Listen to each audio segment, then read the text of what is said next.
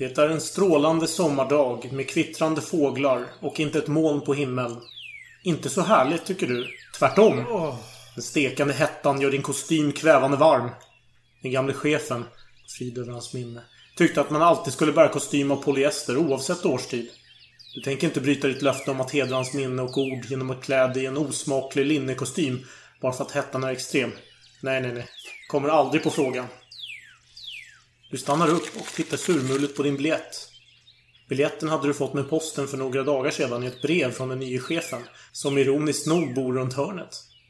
Gröna Lund står det på den med dagens datum. Ordet tivoli stjäl din uppmärksamhet. Du fnyser högljutt. Du hade förstås hellre gått på en Haydn-konsert eller tillbringat dagen med att sortera kvitton och utgifter i hemmets lugna vrå. Men det vore opassande att väcka chefens vrede genom att neka till invitationen. Kastar ett öga mot tunnelbaneuppgången, fnyser visslar på en taxibil som lägligt nog planlöst kör förbi dig. Du funderar över om chefens olidliga fru kommer närvara på tivolit. Till Gröna Lund, tack. Oavsett utgången fruktar du tanken på att ens behöva umgås med chefen. För det är så att chefen står inte ut med dig och du står inte ut med honom. Han är naturligt svagsint och har en fascination för övernaturliga ting och trollkarlar. Varje år har han på företagets kick-off bjudit in sin stora idol Karl Einar Häckner. Varje gång blir chefen lika hänförd av Häckners trick och han skrockar ofta att den mannen är övernaturligheten själv. Men på den senaste kick-offen hamnade det i handgemäng då chefen vägrade betala det överenskomna beloppet. Han är inte bara korkad utan snål dessutom. Taxin bromsar in och du slungar ut med en smidighet som vittnar om de många sena kvällar som du spelat Twister med kvinnligt sällskap. Kassörskan ler mot dig och du besvarar leendet. Olyckligtvis är du av naturlig anledning lika stel i ansiktet som en botox-injicerad modell i Hollywood och ditt leende utstrålar istället för värme och välmening förakt och avsky. Kassörskan ser förfärad ut och tillkallar vakterna som kommer och ska slänga ut dig. Du förklarar för vakterna att trots att kassörskan mer påminner om en gris i ansiktet än en människa och inte speciellt vacker så är det under din värdighet att förolämpa någon offentligt utan är sånt som du endast gör i din dagbok. Vakterna meddelar att trots din förklaring så känner sig kassörskan kränkt och att den kommer avvisa dig från platsen. Instinktivt gör du motstånd. Jag har inte motstånd nu din horbock. Du kan inte låta ditt perfekta rykte svärtas ner. Framförallt inte av sådana här rysliga anklagelser som att ha nedvärderat och hånat en kvinnas yttre. Otänkbart. Men efter lite funderingar inser du att detta är ett lyckodrag. Blir du utslängd slipper du träffa chefen och eventuellt hans fru. Ryktet om ditt kvinnoförnedrande uppförande kan du med lätthet sudda bort genom att bjuda ut kassörskan på en dejt. Hon skulle nog bli mycket glad över den möjligheten. Att få bli sedd med någon så mycket vackrare än hon själv. Män skulle flockas kring henne bara för att en sådan fulländad man som du spenderar tid med henne. Precis när du är vid utgången på väg att bli utslängd hörs ett skrik om att vakterna omedelbums skall släppa dig. Du fryser till. Du känner igen rösten. Det är chefens fru. Fan! Chefens fru viskar något i ena vaktens öra och de släpper dig. Nej! Du och chefens fru går till chokladhjulet där frun säger att ni alla ska samlas. Det visar sig lyckligtvis att alla övriga anställda har blivit inbjudna. Och de är alla klädda på de mest vedervärdiga sätt. Man ser inte skillnaden längre på en anständig kontorsarbetare och en hemlös som hänger på Santa Monicas stränder. Medan ni står där vid chokladhjulet inspekterar du även fruns utstyrsel. Förfärligt. Hon iklädde en klänning som skulle få den babyloniska skökan att rodna. Vaderna är blottade! Hon tolkar din inspektion av hennes klädval som att du är intresserad. Fan. Du försöker ignorera henne.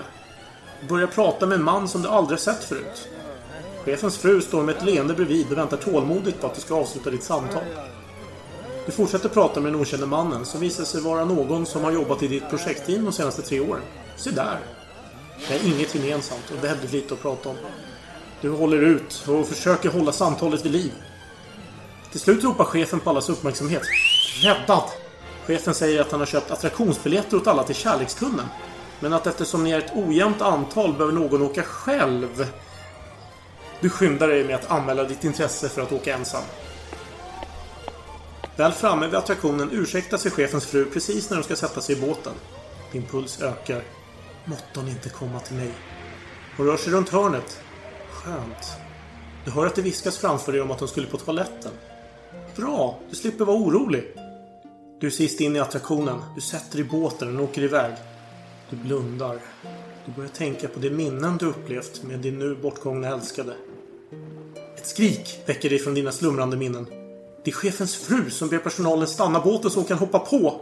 Hon sätter sig bredvid dig och det dröjer inte länge innan hennes hand letar sig upp längs ditt lår. Du sitter stelt i båten. Du låter henne hållas. Hennes beteende blir mer intensivt. Hennes läppar närmar sig ditt öra och hon viskar de mest hårresande saker. Som att denna kärlekstunnel inte är den enda kärleksgrotta du ska få utforska idag. Och hon ber dig använda din nyckel för att öppna upp hennes lås till sitt hjärta. Du ger med dig. Det guppar vilt inne i kärlekstunneln. Du tittar upp för att hämta andan. Då ser du honom. Din chef. Han har blivit så fascinerad av någon till synes övernaturlig dekoration i grottan. Vad är det där för övernaturlig sak? En blomma som öppnas och stängs. Jag måste titta närmare. Så han hade hoppat av sin båt. Mitt i grottan för att undersöka det närmare. Era blickar möts. Han har hört stönen. Han skrattar och ropar. Du din kåtbock! Du hittar då alltid en kvinna att roa dig med. Precis då reser sig hans fru upp i båten. Chefens glada leende förvandlas till ett rasande skri. Hatet i hans blick går inte att ta miste på. Er båt passerar honom och du ställer dig upp och bugar artigt mot honom. Mycket uppskattat med samkvämsstund på Gröna Lund. Jag må säga att företaget har mycket trevliga personalförmåner. Tänka sig, det är nu buksvågrar. Ha, din jävel! Anständighet och fläckfritt beteende har alltid varit synonymt med dig. Från denna stund visste du att Guds perfektion förkroppsligas via dig. Mitt konunganamn skall vara Karl den sextonde Gustav. We shall never surrender. allen Zeiten nicht die Mehrheit. Kom inte med en sån jävla provocerande och aggressiv ton mot mig. Där har våldet triumferat. Ask not what your country can do for you. Ask what you can do for your country. Ska vi verkligen öppna en till flaska? ja, vad fan har du att välja mellan? Skål, ta mig fan! I have a dream. Ah, I see you look at your leader. And I too look to you, Paul Bauma. It's one small step for man, one giant leap for mankind. Välkomna allihop till ännu ett avsnitt om eh, Fashion. Del 3 denna gång. Det vill Ja. säga totalt avsnitt 17. 17 blir det, och vi salongsberusad historia. Solen skiner och vi sitter inne, så det är trevligt som sig bör. Och eh, jag är lite stressad här. Mm. För vi har så otroligt lite tid i anspråk. Vi har ju material för två, tre timmar ungefär. Ja, så- Och plus eh, lekar och sådär. Och det blir. Alltså jag har inte varit så stressad i podden sen eh, vi spelade in Foch del 2 och när vi var klara så hade vi fått något tekniskt problem och avsnittet hade försvunnit. och, det. Var ju episka scener som försvann där. ja, det var ju... Jämförelser, Disney-referenser kring Khan och annat. Det var helt fantastiskt. Ja. Eh, Men, Nej, men nu ska vi- inte gråta över spilld mjölk. Nej, vi måste gå över till vår lek. Ja, utan krusiduller tänkte jag precis gå över till leken.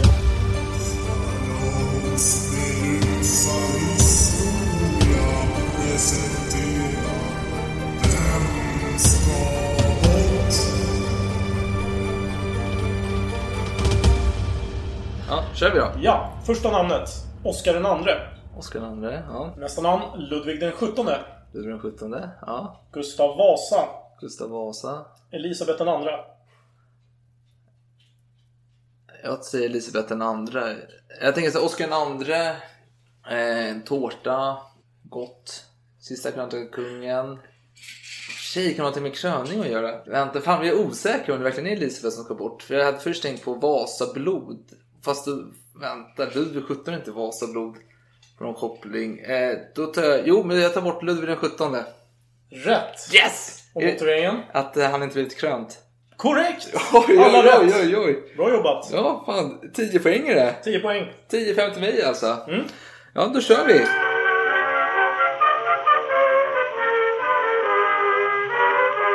Jag säger så här, vi bara, om ni hör massa oljud i bakgrunden så är det inte Alex eller jag som låter utan det är, vi har sällskap av en hund här idag som går runt.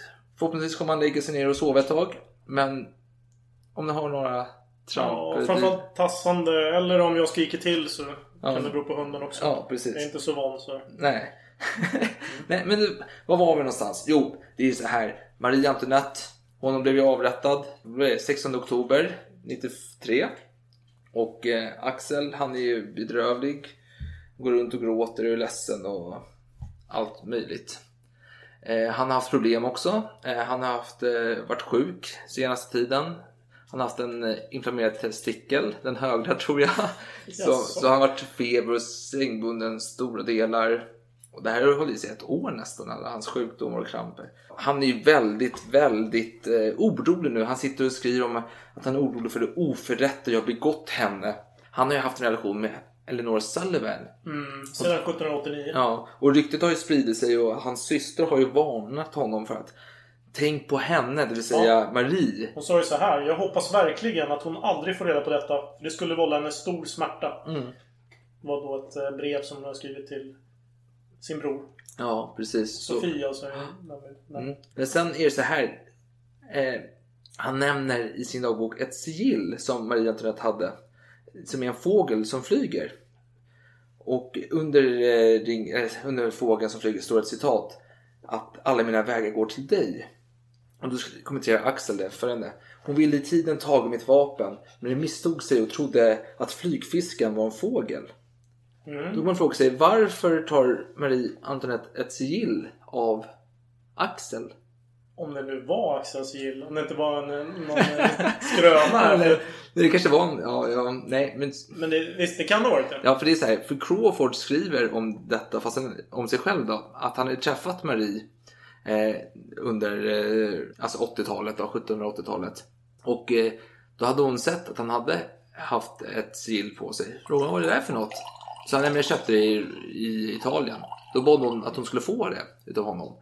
För att i framtiden, när hon skulle skriva brev, kanske hon- hon inte skulle kunna skriva under brevet med sitt namn. Då skulle man kunna se att sigillstämpeln var att det kom från henne.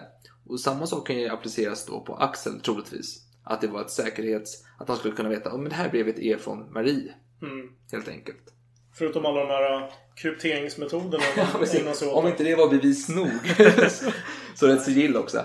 Ja men under den här tiden då. Det som händer är att han går runt och försöker få tillbaka pengar från de olika hoven i Europa som han har eh, som blivit lovad då. Mm, han har ju haft stora utgifter i, de här, i samband med de här operationerna. Det kostar ju skjortan där för det här kungaparet att ta sig över gränsen. Som Ja. vi pratade om i förra avsnittet. Precis, det är jättemycket. Men och eh, han får ju höra, alltså det som händer den här sidan, mycket i fokus på Eleanor Sullivan och eh, hans vän eh, Quentin Crawford då.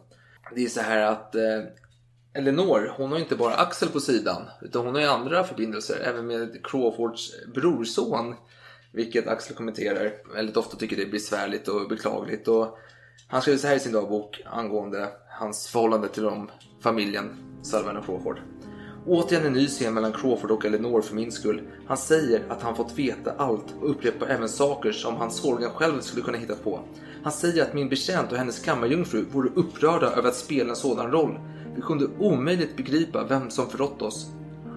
Hon tror att jag är min betjänt som talat om allt vad han vetat för hans betjänt som är ett dåligt subjekt, men som det påstås fortfarande lierad med min. Jag misstänker Pierre. Vi kallade på honom och hotade honom, men lovade honom förlåtelse ifall han erkände. Han svor på att det inte var sant och bad om att bli konfronterad. För övrigt bjuder det mig emot att misstänka min betjänt eller överhuvudtaget någon av mitt folk. Jag inser ej heller att det kunde ligga i deras intresse. Vet vi att de strax skulle bli bortkörda. Så det här är intressant. Alltså, först så erkänner han ju mer eller mindre att han har en relation med Elinor i den här anteckningen. Sen så visar det lite på hans... Han har ju svårt, alltså han tycker jobbigt att avskeda folk. Jaha, konflikträdd. Ja, lite. Men sen är det lite problematiskt här.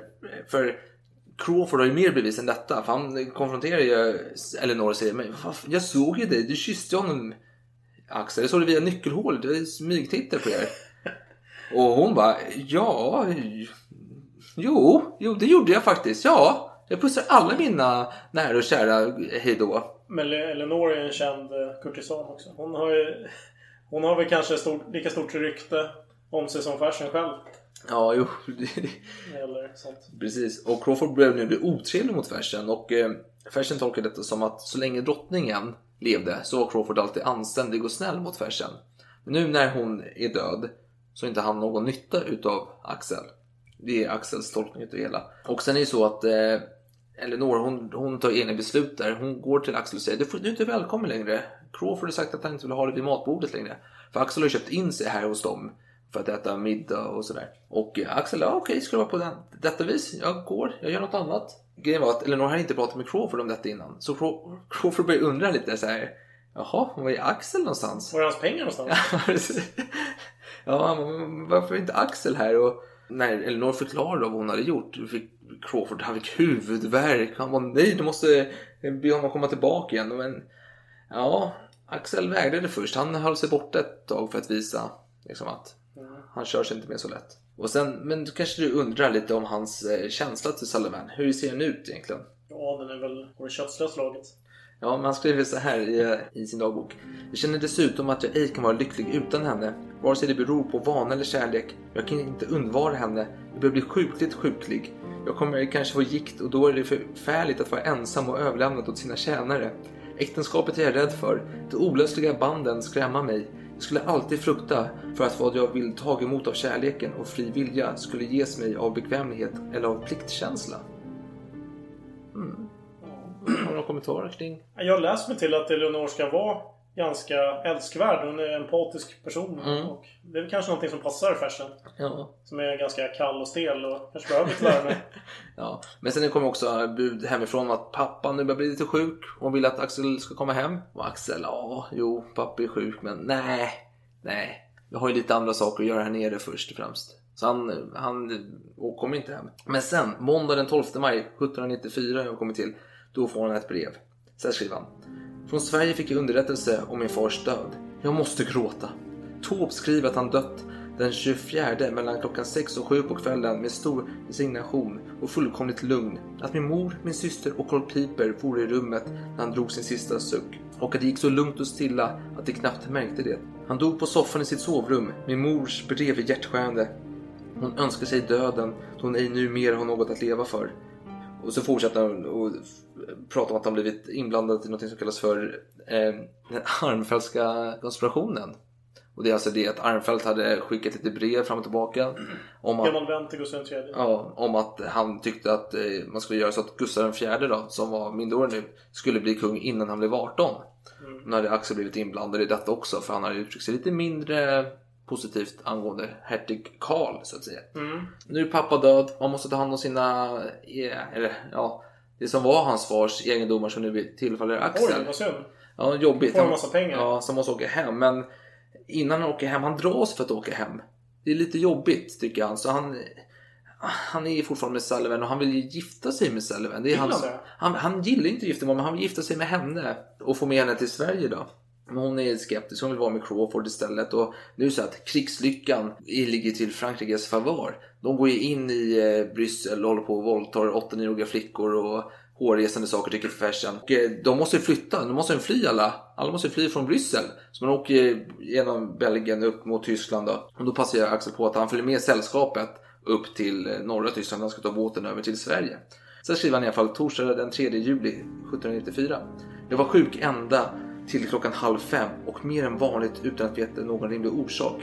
Men samvaron var helt fördärvad genom hans, alltså Crawfords, svartsjuka mot mig som mycket plågar mig och genom deras eviga inbördes gräl.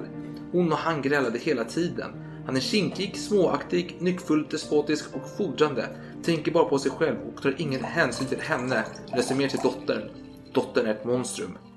Det är intressant att han antecknar vilka klockslag han är sjuka. Är sjuk. Alltså att jag var sjuk fram till halv fem. Jaha. Har du varit med om det? Liksom, att du sitter så här Nej, i inte alls. sjuk med från jobbet så bara, och nu klockan 14.30 Kolla på blir jag frisk. Ja. Nu känner jag mig frisk. Nu måste jag kolla klockslag. Aha! Noterar dagboken. Nej, det gör man ju inte. Och på vägen upp här så um, blir Fersen mer och mer svartsjuk mot eh, Eleanor. För han inser att hon har trevliga stunder utan honom. Och han är rädd nu för att hon ska vänja sig ett liv utan honom. Och han har ändå varit med dem i tre år nonstop mer eller mindre. Eller modern konstellationen då. Att de där tre lekt tillsammans. Ja, det var egentligen fyra från Simolin också, den ryska ambassadören i Paris som också är med i sällskapet, en äldre herre. Men han hade inga sådana förbindelser, vad jag vet. Men han skriver så här. Svårt att lämna henne på grund av det sätt hon har med alla dessa herrar. Och så fortsätter han så här. Jag nu skiljas från en krets med vilket jag levt dagligen i tre års tid. Avlägsna mig från de människor jag alltid sett under mina olyckor. Det är väl lite, vad kan man säga, ett beroende, negativt beroende han har utav dem. Ja, Floyd har nog mycket att säga om det där men just här moderskänslan kanske hos Sullivan med Ja. den här olyckliga farsan. Ja, pojken. jo. Precis. Eh, men sen skulle de ju åka, han åker via Travemünde då till Sverige 15 oktober och kommer till. Och det är oväder. Till Helsingborg då eller? Mm, precis. Och eh, det, ja, han, han åt mat med kaptenen. En ganska dålig och framförallt osnygg middag eh, kommenterar han. och sen la han sig klockan halv tolv fullklädd i kaptenens hytt som var lika stinkande som alla de andra. Och det här tog flera dagar att resa. Men eh, sen så slår stormen i sig utanför Helsingör. Eh, slog det anker och väntade ut då. Och eh, det var ju massa så här vrak runt omkring som hade förlist. Fersen han tog på sig både ytterrockar och stövlar och tänkte ska vi dö ska jag dö med hedern i behåll. Fullt påklädd. Som Med typ Serafimerorden också. Fullt, ja precis. Ja, men det som Eller då, då har han kanske inte fått Jo, den. jo, han har fått den. Han Eller jo, svärdsorden har han fått. Ja, inte. Serafimerorden Nej. Men den 19 oktober i alla fall framme i Sverige igen. Helsingborg.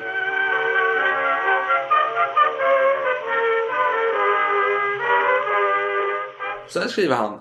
Kände en större glädje över att ha lyckligen avslutat min överresa än att vara i Sverige. Landet med allt vad som där göres och alla förändringar som genomförts är mig motbjudande. Jag far dit endast för att träffa min mor, min syster och Taube och jag tänker bara på att jag skulle fara tillbaka och träffa Elinor igen.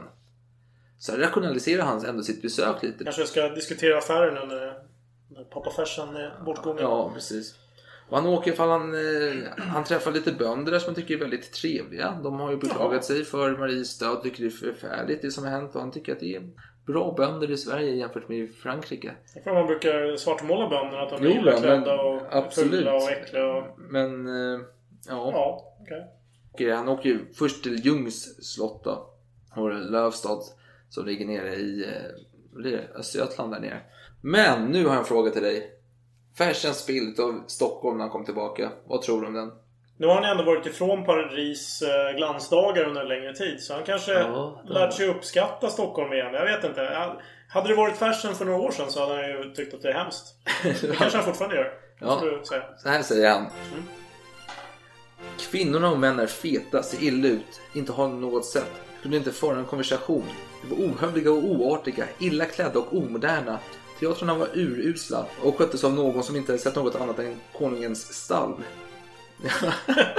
Okej, det, det är gamla fashion i stor form. Ja. Han, kallar, han säger att Sverige är ett fördömt land detta och pretentiösa och är lätt sårade och det kan inte existera något sällskapsliv. Gustav och- III blev skjuten för bara några år sedan så jag kan förstå att han är Ja. bitter. Jo då. Och Fersen kommer till Stockholm 28 oktober halv åtta och det är härligt att vara tillbaka ändå trots det negativa eh, Mm. intrycket utav alla i Sverige. Men han träffar ju sin bror Fabian, han har inte sett på länge. Du vet hur man träffar gamla syskon, det är alltid trevligt. Så här skriver Fersen. Min bror kom till Taube för att tråka mig. Han har blivit mycket fetare. Jag kände dock inte någon större glädje att se honom och det är väl naturligt då vi inte blivit uppfostrade tillsammans och träffats så sällan. Ja, det var en ärlig bild. det var en ärlig bild. Fersen var, alltså han är ändå den förlorade sonen. Han är ju knappt varit i Sverige på år och dagar. Så när han kommer in, alla vänder sig in, han kommer in på operan och han skriver detta såklart i sin dagbok. Det är viktigt att Ja, notera att alla tittar på mig.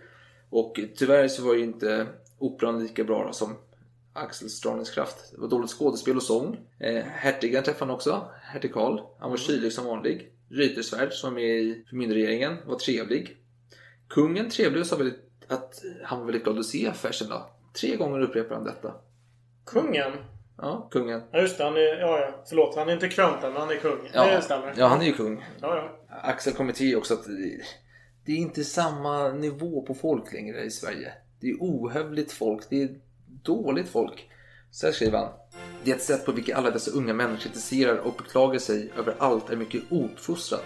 Flera gjorde öppet narr av allt och av baron Reuterholm och skröt till och med över att de inte hälsade på honom. Detta är illa gjort, ty i allt kan man välja medelväg. Det var på kvällen stor supé hos skåningen. Jag var inte bjuden, vilket oerhört förvånade alla. Jag var själv mycket tillfredsställd däröver, ty jag trivs inte någonstädes så bra som hemma hos mig. Ja, vad säger det- man? Det, det Ja, finns det- många saker här som jag tycker är intressant. Vi kan börja med det sista, att han blev bjuden. Att, att han inte blev bjuden och att alla var förvånade. Han måste skriva att alla är förvånade att han inte var bjuden. Mm, och han tog ju reda på det på Ja, något sätt. precis. Och samtidigt så skrev han att för mig spelar det ingen roll. Jag vill inte bli bjuden. Ja, ja, nej, han är ingen martyr. Nej, nej. och sen är det intressant för han hatar ju Reuterholm och eh, hertig Karl. Men ändå blir han förbannad när folk talar öppet illa om dem. Man borde skriva sin dagbok istället. Det är mycket mer Men han hedersvärt. känns lite som en så här klassisk troll va? Eh, Som, eh, eh, som ler liksom mot människor men sen går han hem och på sin dator skriver de mest hemskheter, hemskheter liksom. Ja. Skickar inlägg och, och sådär. Hatar allmänt. Med- Fast nu är det dagboken Ja, som är... med trollet Fersen. Ja. Ja, ja, han är... boktrollet. Ja. Kanske. Men hur, hur ser en vecka ut för Fersen här? För han går ju ändå in i eh, kungafamiljens tjänst här, vilket man måste. Men det innebär ju bara middagar, teater, middagar, teater. Ja, ska vi eh, göra ett försök då på att gå igenom en vecka här. Måndag opera. Tisdag supé hos hertiginnan. Onsdag supé hos konungen. Torsdag hos konungen. Fredag bal hos konungen. Lördag supé hos prinsessan.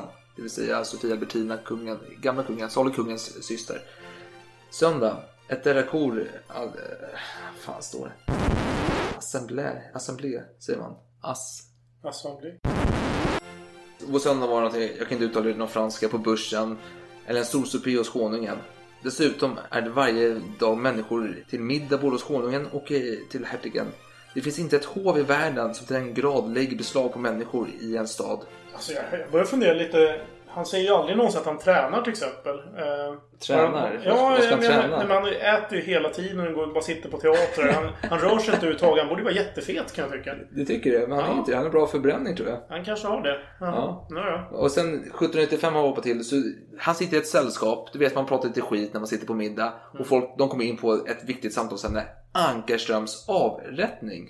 Mm.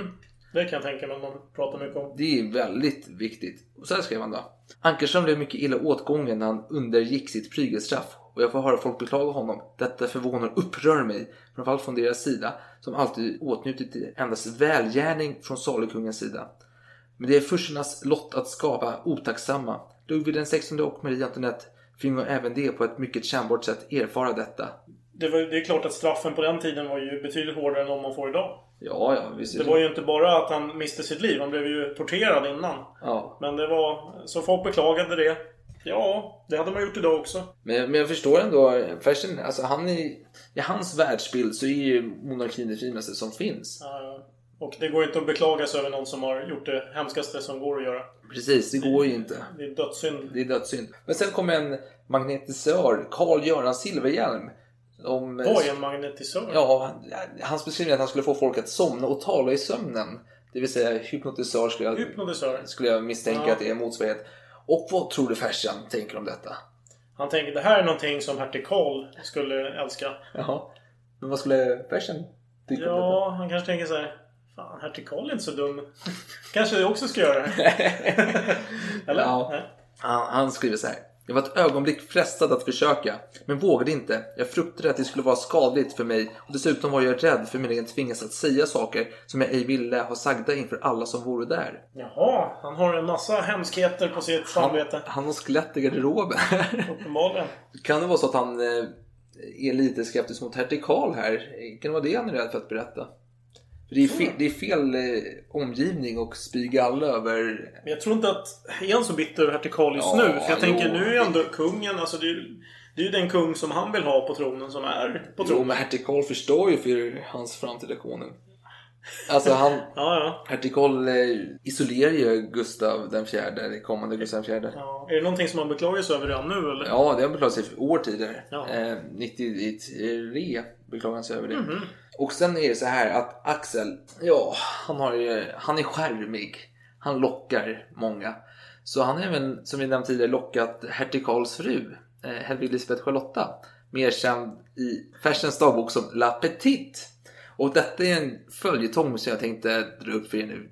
Mm. Jag hoppas att det lägger på lite skön eh, Ja, pianomusik. så här. precis. Jag, jag tänker sån amerikansk såpa. Ja, det är så här skön Eh, piano. Days of our lives skit. Så jag tänker Sunset Beach. Eller. Sunset Beach. Det är lite, kanske lite mer classy. Ja, vi har ju för sig ingen saxofon, saxofonist här, men ja. Vi får Ja, fixa vi, någonting. vi får eh, anlita en när, när- sponsorpengarna börjar rulla in. Precis. Men så här skriver han då.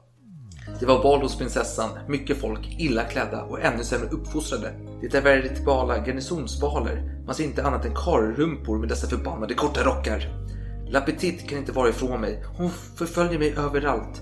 Hon någon gång skulle kunna lägga band på sig och gå ifrån kommer hon strax tillbaka igen. Det skulle bara behövas ett ord från min sida för att återknyta och ibland är jag frestad att säga detta. Men då det endast för mig vore att söka en njutning är det nog bättre att söka den annorstädes. Ty många andra hänsyn håller sig mig också tillbaka, bland annat hederligheten. Mm. En kommentar bara Ja. på eh, lite början av det Ja. du sa där med korta rockar och Ja. och så vidare. Jag kommer att tänka på svenska dräkten. Är det inte det som är de här hemska korta rockarna och korrumpor? Är det? Jag vet Ja, inte. alltså- Kan det inte vara det? I sådana fall så är det ju direkt kritik mot salig Nej, kungen. men Fersen använder den själv för att få till det med Marie. Jo, men precis. Okej, man gillar inte att andra har det. Jag vet inte. Det var en liten Ja, jo, jo, jo, jo, jag förstår. Det var trevligt. Eh, Ja. Men hänsynen då, det är ju då till ja, hans bror Fabian som har en relation med eh, Lapitit och Mm. kanske hertig Karl som också uppenbarligen har en relation. Det borde han väl ha som han är gift med? Eller? Ja, jo, man kan tycka det. Men de hade ett litet... Alltså båda de hade ju älskarinnor och Ja, älskare på sidan. men det ju var väl praxis. kutym. Ja. Jag kan, kommer återknyta till det senare när vi pratar om Fredrika och baden. Ja. Vi, Vi, hoppar, vi, väntar, Okej, vi mm. väntar med det. Sen eh, vidare skrev han så här. Några dagar går. Vid supén hos kungen visade Lapetit sina känslor för mig på något eftertryckligt sätt. Redan länge har jag kunnat märka att hon har dem kvar alltjämt. Hon förföljde mig hela tiden och satte sig alltid där jag fanns. För en tid sedan bad hon att jag skulle ge henne min silhuett. Gjord av en tysk som klipper sådana här. Och det gjorde han också, kostade sju riksdaler. Det är en sidonotering. Alla människor ser att hon är kär i mig. Men på mig gjorde det inte något intryck. Jag låtsades som jag inte märkte det. Igår kom hon emellertid och satte sig vid det bord där jag satt. Hon försökte röra vid mitt knä med sitt och tryckte emot mitt flera gånger med känsla. Jag, jag drog ej bort utan lät henne hållas men gjorde ingenting mera. Det kunde ju duga för ett ögonblicks njutning. Men älska henne? Nej, kan jag inte mera. Min Eleanor kommer alltid vara den första för mig. eh, erotiska scener som eh, från Basic Instinct. Eller Ja. liknande film. Ja, nästan, nästan. Samma klass. Ja, samma klass. Sen går några dagar till. Skriver man så här. Lapetit håller ut och det enda som vi saknar är det lägliga tillfället. Om det yppar sig så kommer jag må hända att begagna mig därav. Nu börjar han, Ja. alltså hennes eh, jobb ger resultat där. Han börjar tänka om här liksom. Ja, han skriver i sin dagbok. Det är lite intressant. Det är ju Ja. verkligen hans tankar. Ja. Så det, jag kanske ska omvärdera min syn på hans dagböcker. Ja. Jag kanske bara skriver det jag känner för. Och sen händer mellan detta då, så händer det så att Eleanors bekant Frans dör. Eleanor skickar ett eh, porträtt av Frans till Fersen. Och Fersen blir mycket glad. Man gillar porträtt. Han, han vill ju få ett porträtt av Ankarström. Ja. Efter mordet på Gustav III. Han vill ha porträtt på alla. Och han skickar gärna porträtt av sig själv Det var också. så dåtidens Facebook liksom. Man ska hålla koll och Ja, se lite, folk liksom. Ja. man, ger, man ger en bild till den tråkiga texten. Och Jag tänker Frans kanske haft lite... Han kanske varit inblandad i deras relation också. Eh, hållit hemligheter och löst saker. Så det, Säkert. Det var fint minne Ja. av hans bekant. ja, precis. Men jag, om jag får gissa så har han inte köpt diamanter för att sätta runt det här. Inte från Frans, nej. Nej. nej. Nej, men sen nu är det ett uppehåll här med La, La Petite här. Vi, vi, det sista vi nämnde var ändå att eh, han började tänka om. Men det, det är lite paus här och då händer lite andra saker. 29 mars, vad är det för någon dag? Oj, det är ju en hemsk dag. Ja, hemskt dag. Årsdagen utav Mm. en viss persons död. Gustav III mer eller mindre. Så här, du kanske med Fersen är en realist. Hur skriver han om detta i sin dagbok? Han måste observera alla runt omkring och hur de eh, agerar. Ja, och precis. främst. Och sen själv ska han ju såklart göra precis det, det rätta och sörja. Och, antar jag. Ja, så här skriver han. Stackars Taube. Han gick inte ut på hela dagen. Annars var det nog ingen som kom ihåg detta. Detta är furstarnas öde.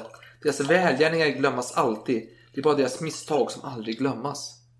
Och här tycker jag ändå han är inne på lite så här skön eh, klassisk nu för tiden på arbetsplatser. Så ser man alltid någon, någon har en liten så här eh, lapp och så, så här, ingen kommer ihåg dina, dina framsteg eller minns bara dina misstag och sådär. Tänk har, har de positivt. sådana lappar? Jaha, Det- det det, jag har de sett lappar någon sån jag har på mitt jobb, det handlar bara om disk liksom. Jaha. Din mamma jobbar inte här. och diskar och lite sådär. Ja men det är ju IT-branschen, det är ju lite, Ja. lite annorlunda. Nej men jag har sett lite sådana lappar på olika arbetsställen. Mm. Eh, och här är jag färs inne på samma spår. Alltså det är misstagen man kommer ihåg. Mm. Det är det väl? Ja, och, Men i och för sig III, man tänker inte så mycket på misstag. Gör man det? nej, men, nej men alltså dåtidens folk eh, gjorde väl Inga brydde sig att det var årsdag. Det var bara och färsen där som gick runt och Ja. sörjde. Ja. Och sen helt plötsligt blir färsen fri från tjänst. Kungliga tjänsten. Han har nu gjort sin tid. Även fri från Lapetito. För då är ju inte bunden till alla dessa middagar där hon, Oj, där hon okej. är med. Eh, och han skulle säga att jag var förtjust att vara fri. Jag känner mig så lättad att ej mera behöva komma på minuten och att ej bero om någon annan än mig själv. Så Mm. nu är... Men nu måste vi ju fundera lite. Vad är det som är jobbigt? Okej, han är säkert väldigt punktlig. Ja. Men, men han, jag, jag, jag kan tänka mig att han verkligen uppskattar det här med att ha en minutprecision på sitt schema och... Ja. Fast han kanske... Fast han har ju levt ett liv de senaste 20 åren nästan. Ja. Där han inte haft någon punktlighet. Nej, Jag- och han matar väl inte in varenda detalj i dagboken för då ska han ju inte ha alla de här ryktena om sig. Nej, men tänker så här, från 83, okej det är inte 20 år, men eh, säg 10 år, senaste 10 åren så har han ändå eh, svävat runt i Europa, gjort lite vad han har behagat och Mm. det enda han har gjort är en måste när han varit i sin Nu, nu kan, tjänst nu som kan han stanna över natten då med diverse människor utan att behöva hinna tillbaka till slottet. Precis. Och det är också, han klagar ju på att eh, alltså när det är tjänstgöring på Kungliga slottet som är mitt emot där han bor då, på Blasieholmen, då är det enkelt. Mhm. Det är inga problem. Men eh, hertig Karl och Gustav IV båda har ju en, en förkärlek till eh, Haga slott. Att måste han ju pendla fram och Oj, tillbaka. Solna. Ja, det tycker han är väldigt jobbigt. Men trots att han är fri från Lapetito-tjänsten så umgås han fortfarande med Lapetit. Och det är så att eh, Lapetit är hemma hos honom och för att träffa hans syster för de är goda vänner. Säkert därför. Ja. Men det här var ju en intressant detalj kan jag tycka. Att eh, Hedvig Elisabeth Charlotta är god vän med Fersens syster. Det känns ju som att de kan då skvallra en hel del. Ja. Så men vad gillar Fersen? Vad, vad, jaha, tycker om... eh, Ja, ja de Ja. nafsar här. Ja, jaha, okej. Vänta, vänta, jo, men det har jag vänta, pratat med Marie Antoinette om. Vänta! Ja. Hur ska Sofie Ja, veta men om det? Sofie, hon är ju en sån här snuskskvallertant Så hon tar reda på vad hennes brors eh, Ja, hon har ju erogena Hon har ju koll på allt med Marie Antoinette och sådär. Ja, tänker hon, så. har säkert korrespon- hon hade säkert korrespondens med henne också. Kan det vara så? Ja, jo, det, ja. jo. De skvallrade och höll på. Ja, men så här skriver i alla fall dagboken. Lapetit passade på mig och min syster och gick därifrån då jag kom. Vi möttes i den mörka korridoren och under förevändningen att ha stött sin näsa mot mig kom hon in i salongen. Hon var mycket öm och villig att kyssas. Hon sade mig att min syster gått ut och om jag hade velat så hade hon gett mig allt vad jag begärt. Men jag bad henne gå medan jag var rädd att någon kunde komma. I själva verket av samvetsskrupler då jag ej ville göra min bror ledsen. I början sade hon Vad skulle du känna till? Jag svarade bara för att ha en trevlig kvarts timma. Då hon gick sade hon Det är inte mitt fel. Jag svarade I alla händelser är det ej mitt. Wow. Två saker här. Ja. Eh, dels eh, farsans bror. Ja. En älskare ja tydligen. men det sa jag nyss för 10 minuter sedan. Jaha, om, om du hade lyssnat. Nej, jag lyssnade inte. Så de är alltså, för att använda ett modernt uttryck, buk, Ja. sväg, svå, svägrar, svågrar. Ja. Jo, det stämmer bra. Vad säger man? Alltså med sin egen bror. Och nummer ja. två då? Ja. nummer två, det var ju den här kvarts timme. Det, det, det vittnar lite om hans uthållighet. Helt enkelt. Så vi, du- vi gick in på det här med träning förut. ja. Nej, det var, det var allt jag hade att säga. Det, Bara så du vet, jag har tappat all sympati hos eh, förbundet för tidig eh, utlösning här. nu, nu börjar det bli vulgär. Var, nu försökte jag vara lite finkänslig, men Ja. det gick inte så bra. Men sen några dagar senare igår och eh, Hedvig Lisbeth Charlotta då, Appetit, skickar en biljett där det står att hon vill träffa Fersen och att han känner att han inte kan neka. Han bestämmer onsdagen. Och det är så här att hertig Karl då, han är okej med att hon har älskare. Men inte Fersen. Så han har ju lite så här... Vilken av dem? ja, okej, Axel. Ja, Axel. Ja. Så han har ju lite så här, lite folk som observerar Lappetit och, Mm. och håller koll på Fersen här. Så Försöker bryta när det blir lite för... knack på nej, nej, nej, dörren. nej, uppåt kommer de in och förstöra the moment liksom. Det är som en sån här Hollywoodfilm. Typ när Indiana Jones ska kyssa tjejen där och så, så kommer den här uh, lilla asiatiska pojken fram och förstör. ja, så här skrev han i alla fall. Nu, nu är det onsdagen här. Klockan fem var jag hos Lappetit. Hon var ytterligare löjlig, så vid sidan om en stark passion hade hon en pretension på kärlek och trohet. Hon ville ursäkta sig för sina förhållanden som hon trodde gjorde mig ledsen. Hon tvingade mig att säga henne några älskvärdheter och att påminna henne om gångna tider och deras behag. Hon gav själv allt vad jag sade mera vidd och vikt än vad jag menade. Och vare sig av artighet eller medömkan tog jag henne inte varje gång ur villfarelsen. Jag hade tänkt att begagna mig härav för en stunds nöje. Men förutom att jag ej hade någon särledes lust och till följd därav endast gjorde svaga närmande fick att hon gav sig sken av att vilja motstå och enkom för att, som hon sade, ej bedraga den andre gjorde jag mig samvetet att bedraga henne. Ty hon var i god tro och jag kunde ej taga på mitt ansvar att göra det. Jag nöjde mig med att säga att jag hade älskat henne och att det uppförande som jag föresatt mig visa hertigen gjorde alla förklaringar över mina känslor onödiga. Hon såg i detta uttalande bekännelsen om kolossal kärlek, liksom hon på Ulriksdal då jag inte annat sagt än något högst vanligt sade till mig, ni är en underlig karl, ibland skulle man kunna tro att ni älskar mig. Vartill jag i mycket nonchalant ton hade replikerat, men man skulle kanske ej ha så alldeles orätt. Utan att vidare spela på den strängen drog hon den slutsatsen att jag på nytt hade förklarat henne min kärlek. Det är tvärtom hon som oavbrutet förklarat mig sin och som försökt få mig att bekänna känslor som jag aldrig hyst. Trots hennes löjlighet tyckte jag synd om henne, ty hon är mycket förälskad i mig och hon bör ju ha det förskräckligt. Mm. Mm. Ja, det är uppenbart att uh, synen på äktenskap är något helt annat än, än dagens stat. Det behöver inte alls innebära kärlek utan ja. man kan ha ett helt monogamt förhållande med någon som, inte, som man inte alls är gift med. Nej. Utan uh, ser det som otrohet att vara med någon annan. Ja, men det är intressant ändå att han han gör ju allting för att bevisa att det är hon som att men han har ju inte gjort något fel. Jag har ju varit, han har varit iskall. Han har varit som en jävla isglass här som var stått stilla och hon har stått och slickat på honom. Alltså det är den... det var intressant. Ja. Ja, lite ja. så. Men eh, han, han erkänner ju samtidigt att han är lite frestad många gånger. Ja, jo det gör han ju. Men inget mer. Men han håller sig alltid enligt honom, han själv. Mm. Alltså. Så frågan är, är det här ett sätt att friskriva sig om någon skulle komma över med uppgifterna? Eller är det bara för hans eget samvetes skull? Det kanske är det. Samvete skulle jag tro. För han har ju Elinor och Marie att tänka på här. Ja, fast Marie är väl... Ja. Jo, men han har ju... Demonerna hemsöker ju honom ja. här. Men sen är det dags till juni 1795 och nu är det dags att bege sig ut igen. Det har varit en dålig vår kan vi säga. Det har varit kallt, otrevligt och sommaren har ju det har inte hänt någon förändring, ska jag skriva. Samma väder, det var ytterst otrevligt. Inga spår av frukt kunde man ännu få se. Kylan och masken kom att ha förstört en del och försenat den övriga. Ännu finns det inte smultron eller meloner. Detta är ett vargklimat. Masken? Mask brukar ju förbättra... Men vänta, du reagerar på mask här. Ja. Jag tänker så här, smultron eller meloner. Jaha, meloner. Ja, jag vet. Men det gick mig helt förbi. Ja, det är helt vansinnigt. Intressant. Ja, vilken, vilken, vilken, vilken trädgård. Vilken, vilken otrolig botanist. Som ja. lyckas eh, få meloner att växa. Men finns det inte en äppelsort som heter någonting med meloner? Jag tror att det är någon sån här... Aha. Kan det vara det han menar? Men... Det kan det vara. Den tidens... Eh, folk kanske hade en betydligt bättre kännedom om olika äppelsorter än vad vi gör. Så de tog för givet, ja men det är klart att vi inte menar den typen av melon. det är ju idiot liksom. Det är ju äppel, äppelmelon såklart. Men sen händer någonting speciellt här i färsen. Precis innan han ska avresa ut i Europa igen. Varför ska han avresa ut i Europa? Ja, han ska träffa Elinor igen. Jaha. Och han ska samla in sina pengar igen. För han har, han har gått över pappas egendomar, allt ser bra ut. Jag måste ut och få tillbaka de här 1,2 miljoner livre eller vad han har lånat. Mm. Se till. Så skrev han den 27 juni.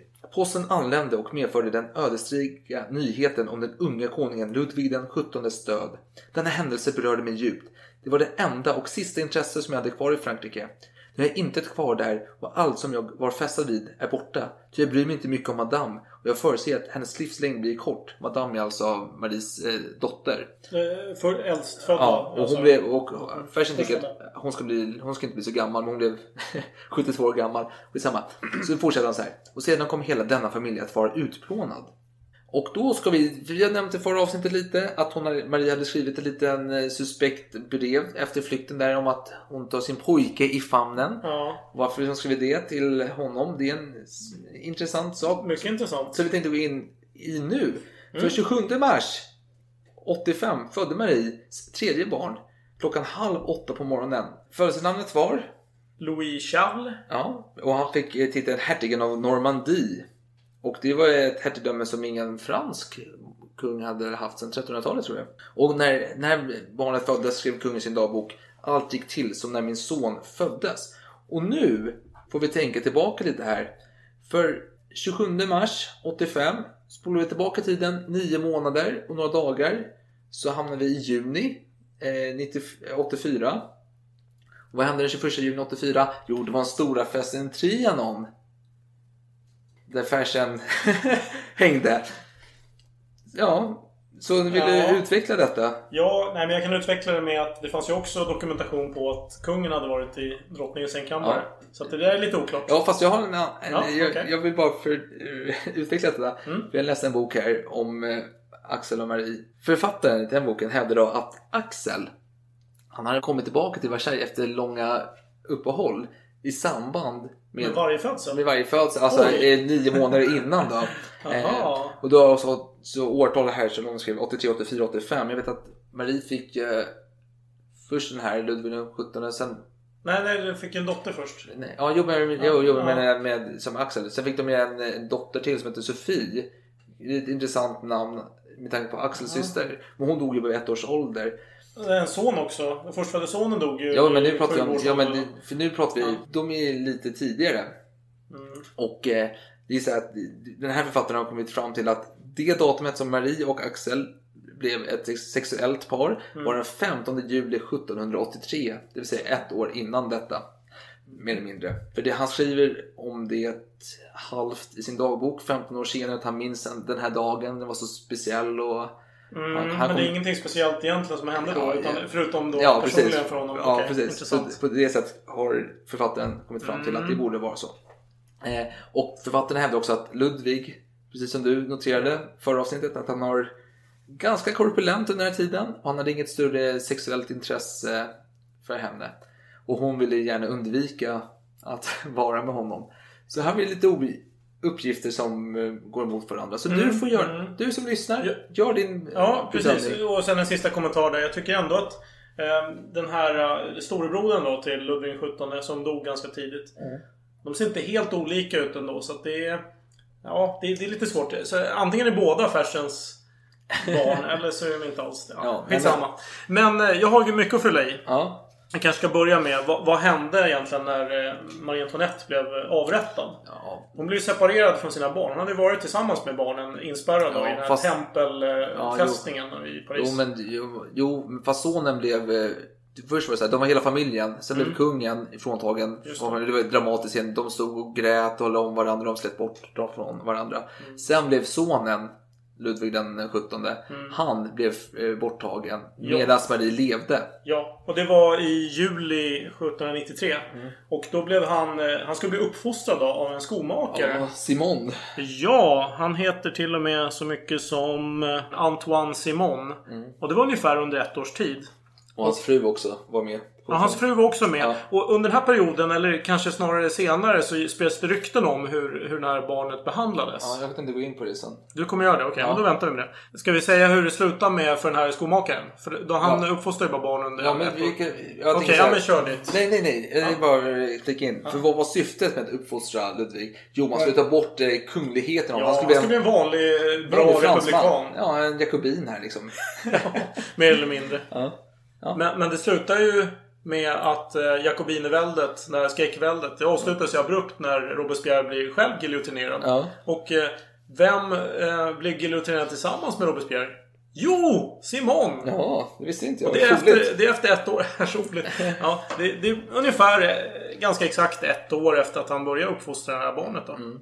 För det är så här att eh, Madame då, hon blir frigiven sen. Eller har du något mer om det här? Nu ska jag säga Madame, då pratar du om eh, äldsta dottern Ja, till precis. paret. Nej, det har jag faktiskt ingenting om. Det får du jättegärna ta. Nej, och hon blir frigiven och eh, hon skriver senare, för det är så här att sonen då, han dör ju som vi nyss nämnde.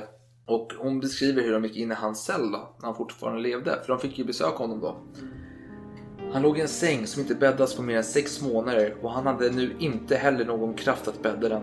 Han var täckt av flugor och löss. Hans sängkläder och kropp var fulla av dem. Han hade inte bytt skjorta och strumpor på mer än ett år. Hans avföring låg kvar i rummet. Ingen hade tagit bort den under hela denna tid. Hans fönster vars galler var låst med ett hänglås öppnades aldrig. Det var omöjligt att stanna kvar i rummet på grund av den vidriga stank. Det är sant att min bror försummade sig själv. Han kunde ha tagit hand om sig själv.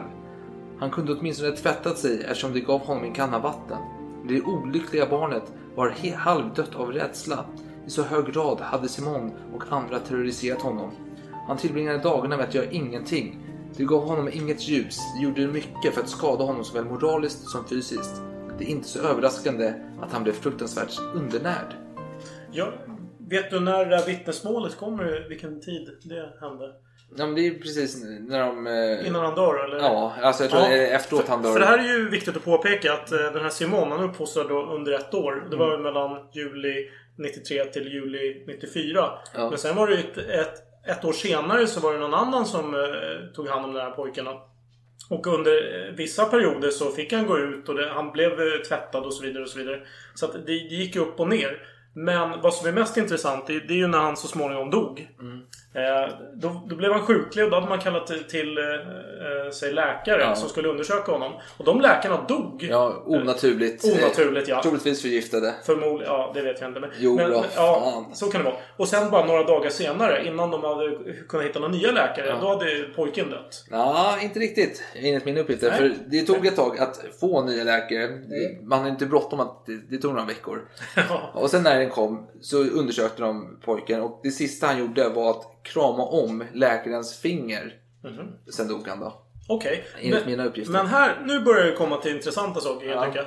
För nu, nu kommer den här obducenten in i bilden. Ja. Han heter då Dr. Philippe Jean Pelletan. Och han upptäckte ett stort antal R Mm. på den här pojken. Som vittnar om misshandel. För det hade gått rykten då under, Mm. under den här äh, fängelseperioden. Om att han hade... Ja, jag kan ju delge några av de här ryktena. Man tvingade honom att äta väldigt mycket mat. Ja. Man ville göra någon fet så man kunde... ja, Jag vet inte. Och så, och så skulle han lära sig någon så här... Ja, typ gettojargong egentligen. Blir lite mer folklig. Ja. Ja, jag, jag vet inte hur jag ska översätta det, men ja. Och sen, det här är också ett ganska illsinnat rykte då, att man lät prostituerade våldta honom så att han skulle få könssjukdomar. Som man kunde använda som bevis mot Marie Antoinette. Men det här finns det då inga bevis Eh, Ja, jo, men det är intressant att säga det. För, för en grej i, rättegången mot Marie använder man ju honom. Och han skulle vittna om att hon hade utfört incest mot honom. Och inklusive hennes eh, hovdam då. Vilket han vittnade om att de hade gjort då. Han blev tvingad till det då. Och eh, Fersen kommenterade detta att det var barbarer. Det finns inget värre än dessa eh, fransmän som... Fra- Nu ska jag inte blanda in nationaliteter. Men skitsamma. det var Fersen som sa det. Ja, ja. Och, men vad jag hört, det var intressant att du nämnde det här med att det fanns eh, fönster. För Ja. de uppgifter jag hade i alla fall var att det var fönsterlös cell till och med. Men har det ju- kanske periodvis. Nej, men de hade ju bankat igen fönstren så det fanns ju bara Ah. eh, inget ljus. De hade Ah. tagit... Det fanns fönster men de hade ju låst det. Okej, ja men det förklarar det mesta. Eh, nej men i alla fall, han hade ett stort antal R. Så det... Om man nu ska tro den här obducenten så bekräftar det ju ändå att han Ja. har utstått en del. Eh, men det sägs då att den, det, det är inte nödvändigtvis den här Simon... Eh, eller hans fru var i alla fall ganska älskvärd. Eh, uppfattar det som. Det kan ha varit Simon Ja. som slog honom. Ja, men alltså de, de hade ju inga barn själva det här paret. Jag vet inte riktigt hur de fick tjänsten att... De var med i någon politisk förening, jag kommer inte ihåg. Det var inte Jakobinerna, men det var något sånt relaterat. Någon någon, av de så här. någon av de här klubbarna liksom. Så. Du får en tjänst utav oss, du får Ja. ta hand. Precis, men i alla fall den här obducenten. Han eh, plockade ut hjärtat. För Mm. Ja. det var tydligen kutym egentligen. Man, man Ja. tog kungliga hjärtan. Man sparade dem. Och, så att eh, när man begravde den här kroppen då begravde man honom utan hjärtat. Och det här hjärtat, det behöll ju obducenten. Mm. Ja. Och det gav sedan i gåva. Försökte ge det till någon eh, senare kung. Och den senare kungen han bara "Ah, Jag är inte säker på att det här är verkligen är legit liksom. Så han vägrade ta emot det. Och så finns det en lång historik om hur det här hjärtat eh, Mm. passerar från person till person. Ja. Sen så småningom, runt 1999, då gjorde man faktiskt DNA-test av det här hjärtat. Ja. Man ville få det bekräftat. Är det den här pojken som verkligen är eh, ja, begravd? Eller är, är det verkligen hans hjärta? För det var nämligen en annan person som påstod sig vara eh, den här bort... Precis. eh, Det gick ju rykten om, att- om att man hade smugglat ut pojken Just det. och upp till Normandie då. Där det var lite mer realistiska Så tankar. någon påstod ju att han var den personen. Och han fick ju till och med bli begravd med titeln hertig av Normandie. Det var något så helt Ja, sjukt. det gick i släkten. Ja. Det är ju fortfarande tror jag att de Det är ju vansinnigt för nu har man gjort det här DNA-testet och man har jämfört eh, det här, eh, det här hjärtat och eh, DNA från den här mannen då, som påstod att han var eh, Ja. av den här börden. Och, och tillsammans med kända släktingar på eh, mödernet då, till Ja. eh, Marie Antoinette. Det vill säga Anne av Rumänien och hennes bror André av Mm. Bourbon-Parma. Eh, och eh, om man kan lite om DNA och sådär så är det mitokondriet mitokondrie-DNA som bara ärvs på modersidan i alla fall. Och då kunde man se att nej, men hjärtat stämde perfekt. Ja. Så det stämde jättebra. Det andra stämde inte alls. Man hade inte någon tygbit här för mig från Maries... Eh, Man tog hennes hår, Ja. men det var så dålig skick Ja. på det. Men på något sätt så kunde man matcha det så man var helt säker på att jo, men det här verkligen är så kontentan är ändå att man skulle kunna om man hittar, eller om man har DNA från Axel, skulle man kunna jämföra med detta. Det, för som jag har förstått det så Mm. är det möjligt att man skulle kunna göra en sån forskning kring det hela. Det jag undrar lite, man har gjort det här DNA, man har till och med begravt det här hjärtat. Ja. Det är det som jag gör mig lite orolig nu. För att man har ju gjort det här DNA-provet, men det har varit mitokondrie-DNA. Sen finns det något som kallas Y-DNA. Y-kromosomen som ärvs eh, från fader till son. Det vet jag inte om man har tagit det provet. Det skulle man behöva göra. Jo. För det här det DNA-prov man har gjort idag, det säger ingenting om vem som är fader. Nej, nej, men det skulle kunna gå om du hittar någonting Ja, från. Axel och har den delen på Ja, eller, eller någon eh, ättling i rakt nedstigande led från Ja. eh, hans pappa eller någon annan. Men eh, just att han blev Ludvig den 17 det kan du väl nämna någonting om det? För han blev inte krönt. Nej, inte krönt. eh, Men det kanske inte måste för att kalla sig kung. Jag Nej. vet inte. Men för, jag menar, uppenbarligen så var det, kallade sig Gustav IV för kung, för kung redan före år 1800. när han Ja, jo. Så vi kommer gå in på. Ja. Nej, men vi... Men, men eh, franska kungar kröns ju i dans, det vet jag. Ja, precis. Ja, skitsamma. Annars kan ni lyssna på champagneavsnittet, avsnitt 9. Tror jag vi nämner det där. Ja, kanske vi gör. Har jag för mig, hoppas det i alla fall. Han åker nu i alla fall ut till eh, Europa.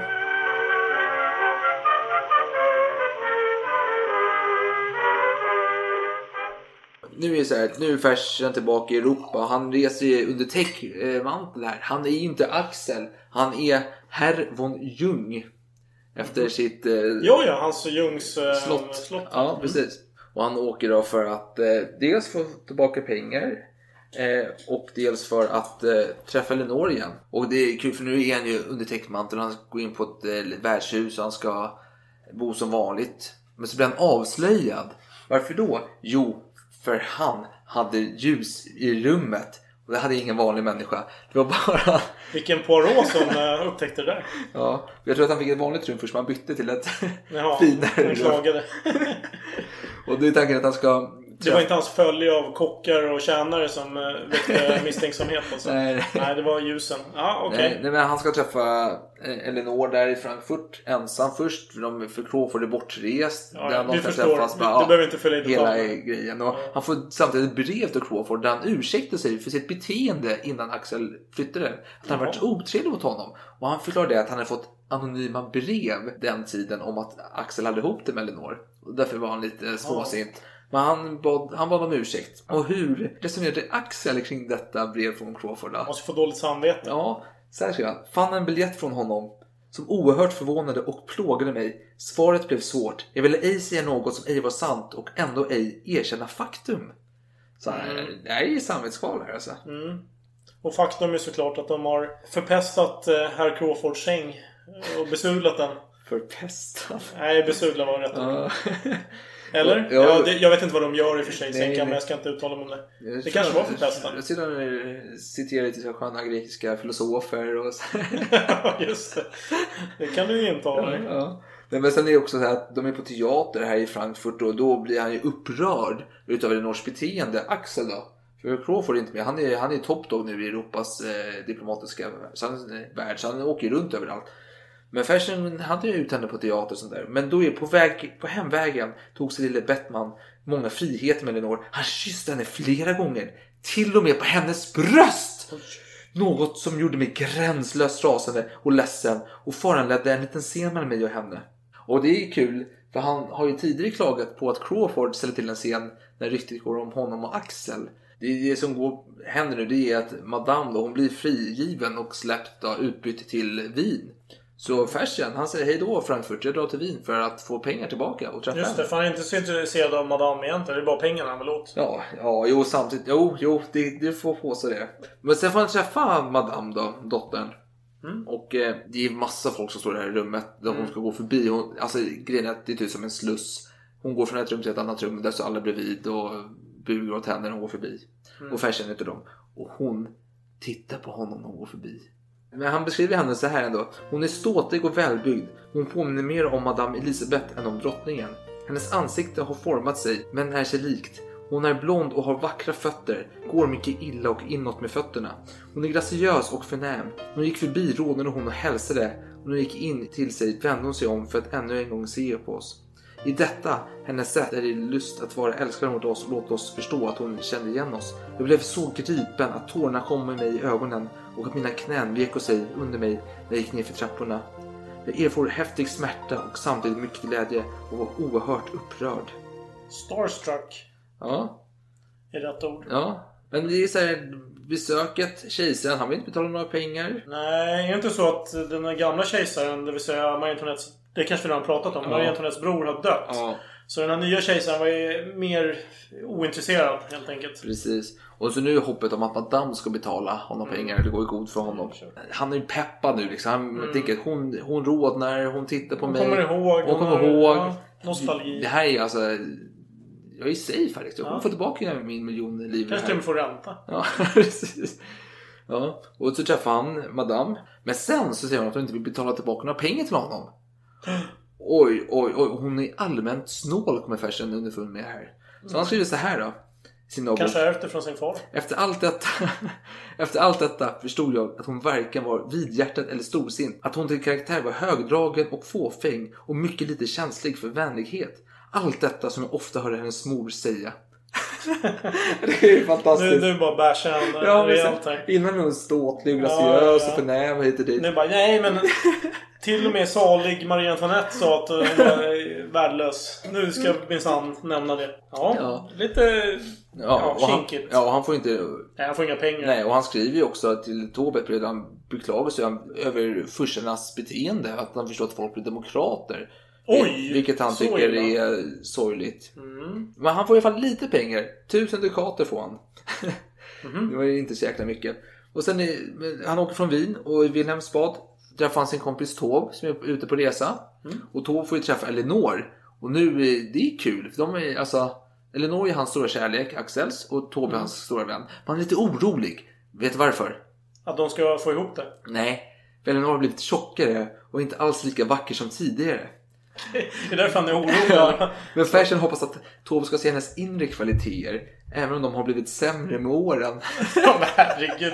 Det är som att titta på min vackra, ja, äkta helt. Ja, hon är inte lika vacker som hon var förut ifall du, ifall du ser missnöjd ut. Nej, det, var lite, lite beklagligt. alltså. Ja, givetvis. jävligt. Skäms Axel. Men nu är det så här att Fersen får notiser hemifrån om att konungen har återupptagit Svenska Akademin, eh, passande i dessa tider, och funderar på att utnämna Fersen till rikskansler. Något som Fersen kommenterar eh, följande. Vore förtjust om kungen ej alls tänkte på att ge mig denna min ärelystnad skulle nog kunna bli smickrad, men jag kände den livligaste avsky för att gräva ner mig i Sverige. Mottagens ställning efter vilket jag ej kunde varken taga emot eller önska något mera och avstå från andra länder, från mina vänner och bekanta. Ja, han, han vill helt enkelt ha det trevligt med Eleonor. Ja, men alltså Sverige är inte lockande. Han, han kan inte få med sig Eleonor, så då måste han hänga ute i Europa. Precis. Och nu planerar han en resa till Sverige lite ovilligt. Han vill inte lämna Elinor, sin livslycka som han beskriver. Och han är aldrig nöjd heller. Det är också intressant. Tidigare år så är han ändå lite positiv och när Marie lever. Men sen att eh, flykten där så är det ju bara beklagan i hans dagböcker och brev. Det är ju sällan någonting som är positivt.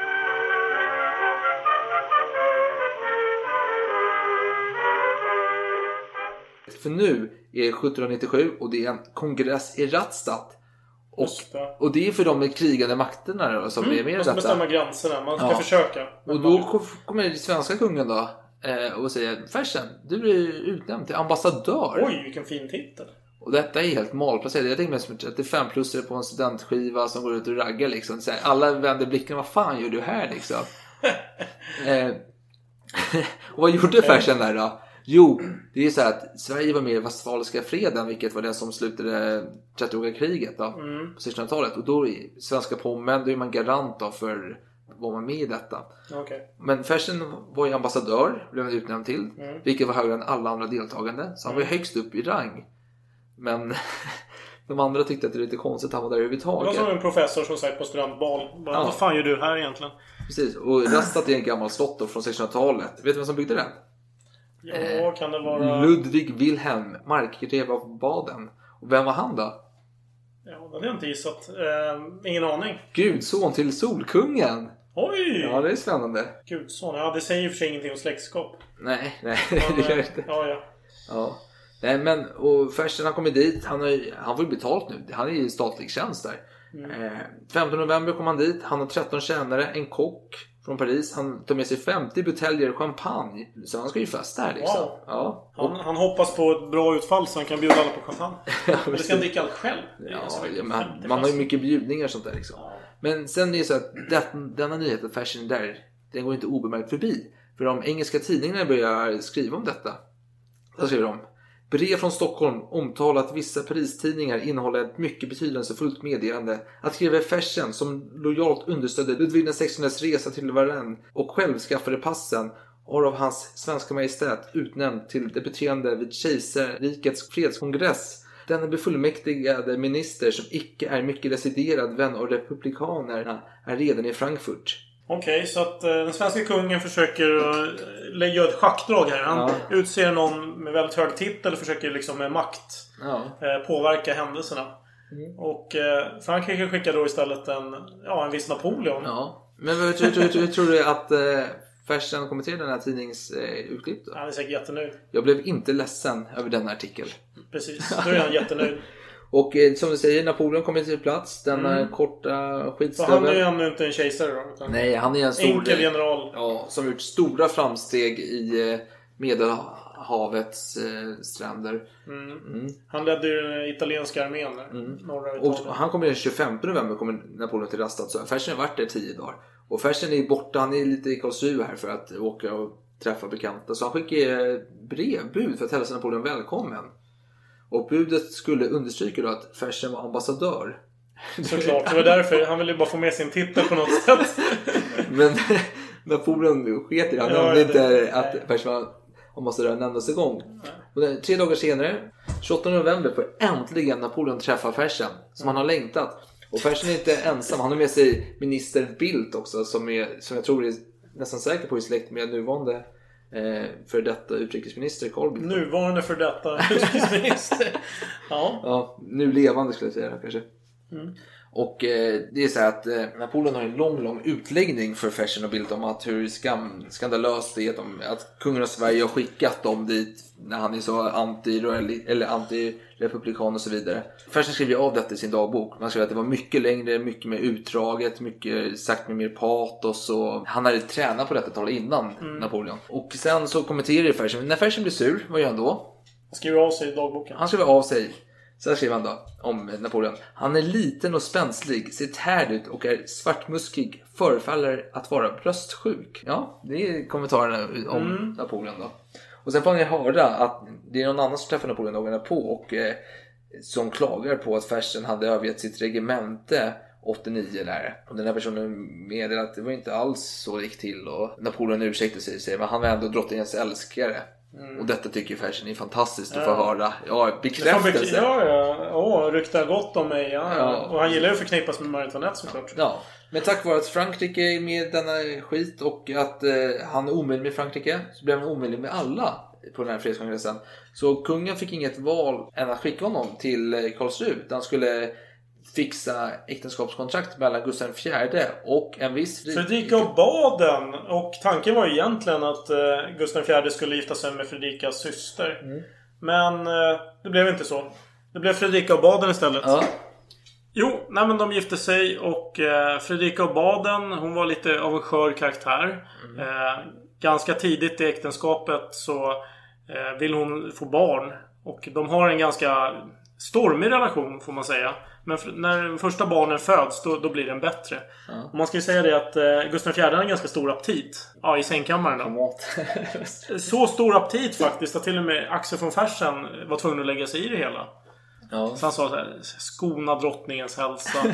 sa han. Och eh, hon själv, Fredrika, hon hade skickat ett brev till sin moder. Och det här var lite det senare då, så nu hoppar jag framåt Ja, i tiden. ja. 1798, den 27 augusti. Då uttryckte hon sin glädje över att kungen hade förändrats till det bättre. För kungen hade ju sina problem med Mm. Ja, humör och så. ja. Men klagade istället över hans starka sexuella aktivitet som gjorde henne trött och sömnlös utan att bereda henne någon tillfredsställelse. Oj, oj, oj. Det var väl så att de separerade sen på slutet för att han ville kunna tillfredsställa sig själv sexuellt med andra människor lite mer ofta sånt. Alltså, okej jag kan inte kommentera det. Men däremot kan jag kommentera att de bråkade en del. Och Mm. eh, en av de här elaka sakerna som eh, Gustav IV sa till henne. Det var just att Jo, men jag hade ju åkt och träffat din syster för att gifta mig med henne. Och eh, när jag sen tackade ja till att gifta mig med dig istället. Då var det för att jag trodde att du såg likadan ut. Så det var ju väldigt elakt. Men det där är ju egentligen lite falskt. För han träffade ju faktiskt henne innan Ja. han eh, friade. så det, det, det, är, skitsnack. det är en historia i alla fall. Mm. Ja, men åter tillbaka till när vi är här 97 i Rastat då.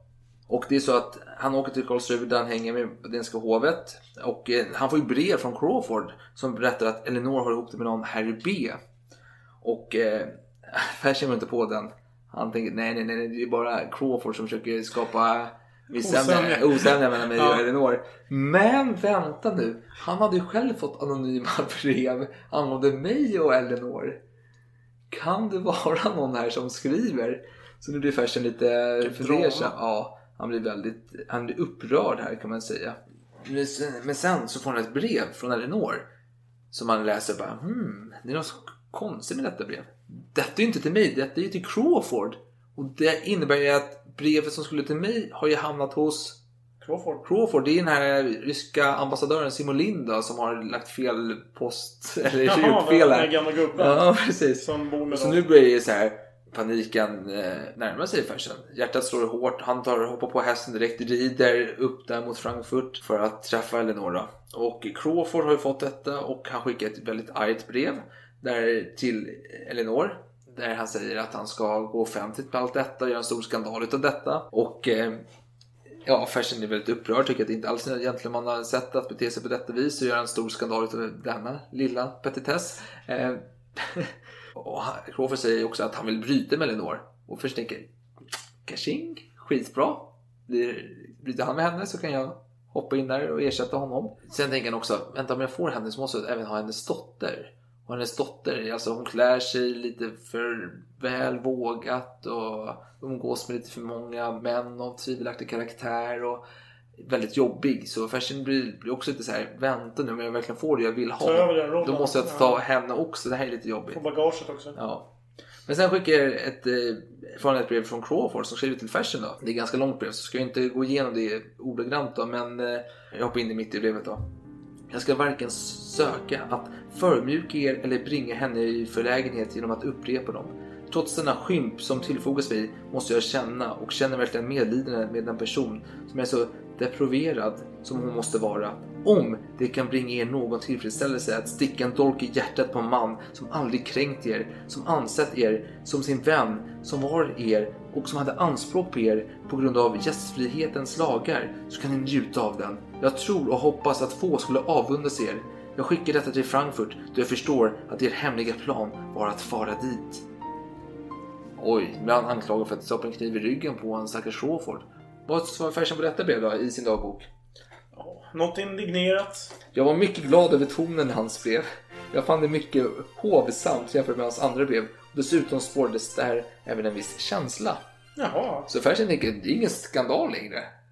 Han, var inte okej. offentligt. All Och right. jag, jag kan leva med tanken att jag en stopp, eh, Ja, sätter ja, knivar okej. i ryggen ja, på honom. Men det är lugnt. Men sen kommer ett annat hemskt där. Han, det är någon som eh, stjäl saker från Fersen. Så här skriver han, 13 januari. Sedan någon tid har stöld begåtts hos min kock. Jag kom underfund med att det var min bekänt Adolf som varit hos mig i 13 år. Detta gjorde mig ont. Han erkände att det var dåliga affärer som han fått genom spel som drivit honom därtill. Jag ser därav att man jämt måste sysselsätta sitt folk och aldrig ge dem någon ledighet. En dag senare skrev han så här. Jag hade upptäckt att Adolf som varit hos mig i 15 år stulit hos min kock. Han har förlorat på spel och sålunda kommit därhän. Han erkände för mig, det gjorde mig ledsen ty jag var tvungen att skicka bort honom och han äger ingenting. Sju dagar senare skrev han så här. Jag skickade bort Adolf. Han har varit, med, han har varit hos mig i 14 år och det gjorde mig ont han skulle vara så här, mellan 13 till 15 år har han varit där. Han Ja. inte riktigt koll på anställningslängden. Frågan är om man försöker korrigera sig själv hela tiden. Bara, "Ja, men vänta, det var verkligen 13? Nej, hon sa 14. Ja, Ja, jag sa men 14. det- Aha. Man skrev typ samma sak två dagar i rad också. Ja, min, min första tanke var ju det här med okej, han, han har jobbat för fem, i 15, ja, mellan 13 till 15 år. Och han har inte någonting. Alltså han har inga ägodelar. Antingen så är Fersen otroligt snål.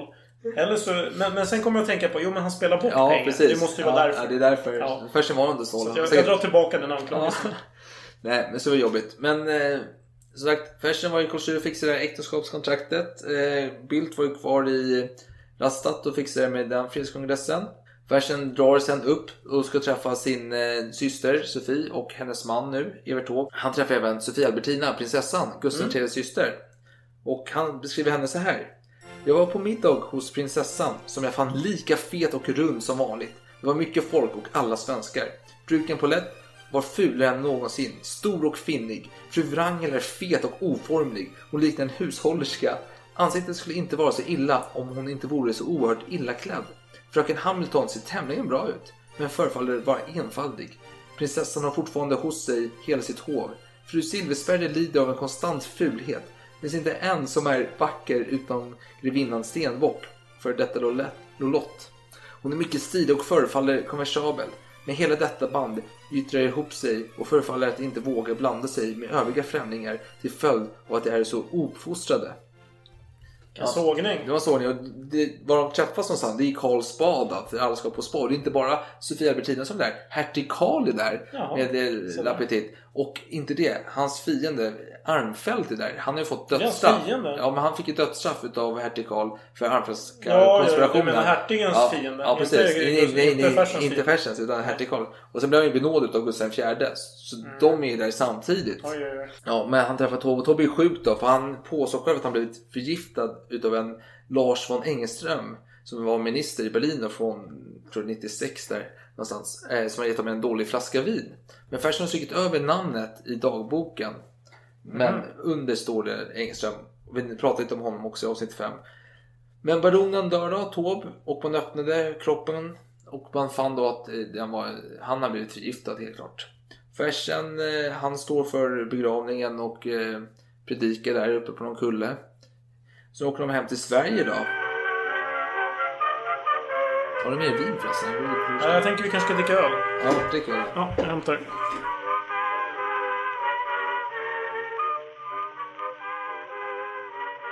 Efter Taubes död och begravningen så åker man hem till Sverige igen och som vi alla vet är hertig Karl en väldigt osympatisk herre. Så han, tycker, han kommenterar ju Taubes död som att det var bra för politiken då. Det är inget annat han tänker på. Eh, Tåbo är en eh, inbiten gustavian. Ja, och Gustav IV han grät när han fick beskedet. då. Och i, väl tillbaka i Sverige så skriver den här Lars von Engström ett brev med oförskämd ton till Sofie angående ryktena om att han hade förgiftat Taube. Och eh, kungen får reda på detta, Gustav IV, och han tycker det var väl starkt gjort av Engström. Mhm. och Fersen svarar då till Engström, han skriver ett svar. var mycket kort och hövligt, men, väl, men värdigt och sakligt. Och så blir det en lång situation här att när Engström skaffar läkarintyg och kungen lägger sig i det helt enkelt. Det bevisar ju ingenting detta läkarintyget. Det, det gör bara din sak värre. Så det är dramatik här. Massa käbbel. Ja. Ja. Men sen så vill kungen prata med Fersen. Och han har en plan för honom. Fersen tänker utrikes angelägenheter. Kanske. Det vore Ja, intressant. man kan hoppas på det. Det, kan, det passar ju mig. Men nej, det blev Uppsala Akademi. Där professorerna och deras undervisning eh, inte var vad kungen önskade. Nej, okej. Det var en dålig kvalitet. Jaha, men vad ska Axel göra åt det? Mm. Inte nog med det. De hade varit bök och stök i Uppsala. Det är mycket jakobiner i rörelse där borta. Mhm, de behöver en eh, baseballliga. ja, precis. Som eh, röjer upp bland buset. Ja. Och eh, de har ju till och med hånat Gustav IV så att sjungit sånger om att han inte, hans pappa inte var Gustav III utan munk istället. så det var Ja, väldigt, det är eh, ryktet. Ja, det var väldigt eh, beklagligt där. Och Fersen sa det att arbete i din tjänst har aldrig avskräckt mig men jag önskar jag kunde vara till nytta men jag kan inte detta. Så jag är inte jag har inte den kunskapen. Och kungen svarade att att det inte är nödvändigt att vara en lärd person utan jag har haft det här ämbetet innan Oj, dig. det här, så är lite illa att säga illa, det. ja. Han är ju ändå kung. Han ska ju försöka framhäva sig själv. Ja, nu säger han bara, men vem, fan, fan, vem som helst kan göra det. Jag kan till och med göra det. De åker upp dit i alla fall och kungen ska ha tal och Fersen eh, sätter ut patruller på kvällen. Och han kommenterar detta att eh, inte en enda person har varit ute och rört sig på kvällen. Mm. Ett fenomen som inte inträffat på 50 år i Uppsala, kommenterar Fersen. Det är en intressant detalj. För han har ju inte varit i 50 år i Uppsala. Så han har ju fått de där uppgifterna från någon. Ja. Som kanske lismar för gode Fersen. Och, "Nej, men min, min herr, mitt excell ers excellens. Han är i och för sig inte ett excellens men skitsamma. Det här har inte hänt på 50 år! Ja. Och så fick han säkert några nå dukat där för Ja, precis. Besvär. Ja. Nej, men, det, men det går bra nu och det, och det är som sagt det är en, ganska stökig tid i Sverige. Malmö framförallt kan vara mycket sten. Och det är lite så här republikanska strömningar som sker i landet. Så därför är det bra att Fersen sätter ner foten här i Uppsala Mm. och får tyst på dessa Mm. uppviglare. Det är några dåliga år här i slutet av 1700-talet med missväxt och Ja. massa käbbel helt enkelt. Ja. Och sen eh, är det så att Tobias Sergel, en klassiker, kommer besöka Fersen. Sergel är en eh, skulptör och konstnär som var väldigt eh, hängiven Men Gustav III. Ja. Det är en ganska rolig historia när han är i Italien med Fersen. När de inte får sitta i samma bord som dem. Men det är en annan historia. Mm.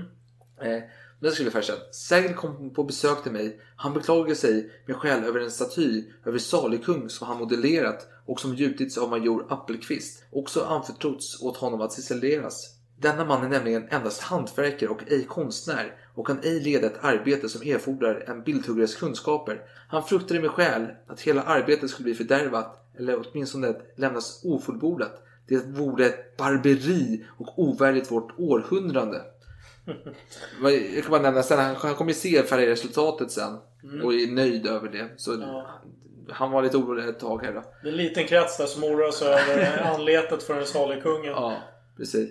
Men sen är mars 1800. Det är riksdag och kröning. Det är kröning och det är, det är inte kröning i Uppsala. Nej, fan heller. För varför, varför är det inte det? Jo, det är ju som du redan tidigare nämnt. Det är en massa oroligheter och republikanska stämningar i Stockholm. De här studentstaden Uppsala, där anklagas de för att vara jakobiner till och med. Hemskt folk. Så, nej, alltså Gustav IV känner att nej, jag vill absolut inte vara där. Det, det känns inte bra. Ingen förtroende för det här folket.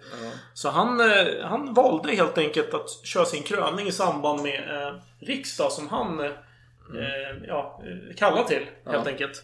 Och eh, den här kröningen, den blev ju episk. Episkt dålig. ja! Eh, för det första då så var det en eh, vårdag. En, en klassisk vårdag. Kall, regnig, förjävlig. Ja. Men, och man hade då i och med att Gustav IV var inte en skicklig ryttare. Så att han behövde ju ha en snäll häst. Och Ja. för att få en snäll häst då måste man ju träna hästen. Mm. Och då gör man det. Man repeterar. Och eh, just den här hästen, eh, den hade då eh, gått den här sträckan flera gånger tidigare. Och eh, vid ett visst ställe då hade det funnits en, en trevlig kvinna som bjöd hästen på ja, nå, nå äpple eller något liknande.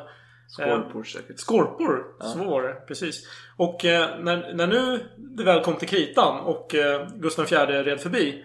Då, stann, då tvärstannade hästen precis vid det ställe där han brukar få de här skorporna. Ja. Och eh, det var så illa så att man försökte liksom sparka igång den här hästen så han skulle fortsätta. Men han vägrade. Så jaha, då blev det så här pinsamt. Bara, fan, okej, jag får byta häst då.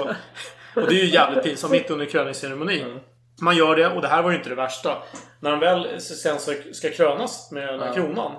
Då visade det sig att den här kronan var för liten. Man har ju såklart inte testat det innan. Och så bara, åh helvete. Och, och då tänker den här biskopen, eller vad det nu var, ärkebiskop. Ja. Så bara, helvete, den här kommer inte funka.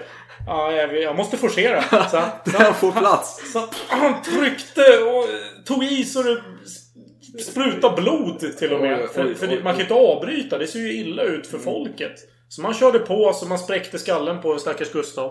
Åh, stackars. Och inte nog med det. Axel von Fersen, han var ju i allra högsta grad eh, med på det här. Inblandad. i- inblandad. ja. Han är ju eh, den som håller i riksbaneret Ja. under kröningen. Ja.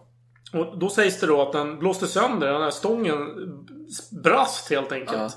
Och, och sen bara för, för att avrunda det hela så drottningen eh, Fredrika av Baden Hon var ju lite sjuklig av sig och eh, man tror att på grund av det dåliga vädret så fick hon missfall. Ja. Så det var ju så många omen. Sen var efterfesten var ju bland det värsta. Alla fick ju inte plats då. Mm. Så det, blev, det var ju bara okej, ja men ni som eh, först är kvar, ni kommer in. Ni andra får festa någon annanstans.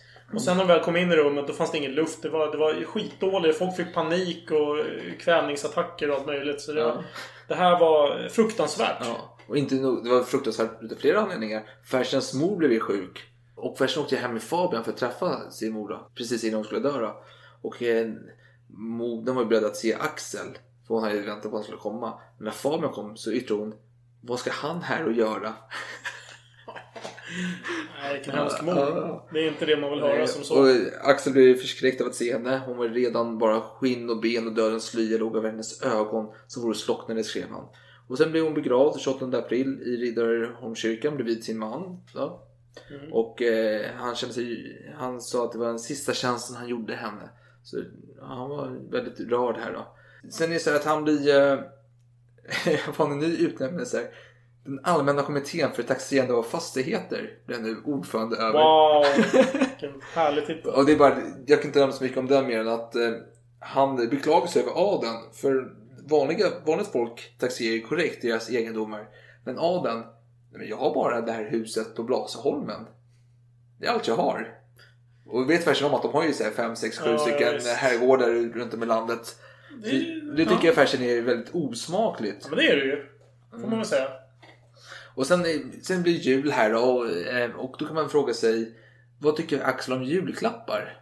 Nej, otrevlig. Ja, han tycker han är, verkligen, han är nöjd över att varken få eller att ge julklappar. Han är förvånad över att en sådan kostsam sed har hållit i sig.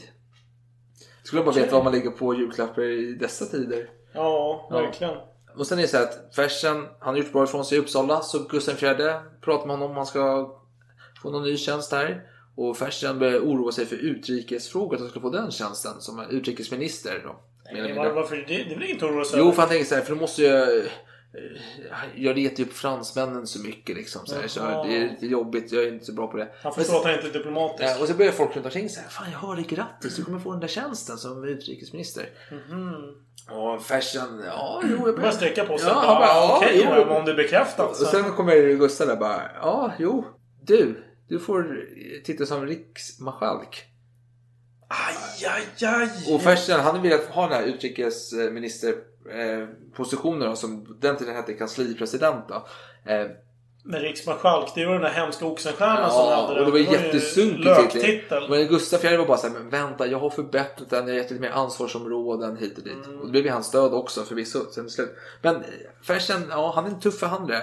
Fyra månaders semester skulle han ha innan, ja, inte innan, varje år ska han ha fyra månaders semester. Tar ut i förskott också. Och, sen, och innan han ska ha tjänst så ska han vara ledig ett år också. Ett år? Ja. Oj! För han, ska, för han är orolig för sin syster. För han tror att hon ska begå självmord. Så, och eh, får hon begett sig iväg till Ängsjö, som, eller Ängsö, heter det. Ett ställe de har där. Och eh, då vill han ta med ut henne till Europa för hon mår dåligt och man tror att hon är förgiftad och har varit det sedan Engelströms tid där. När Fan vad den där Engelström Ja. hänger efter alltså. Ja. Som ett spöke. Men 1801 så beger de sig ut i Europa igen.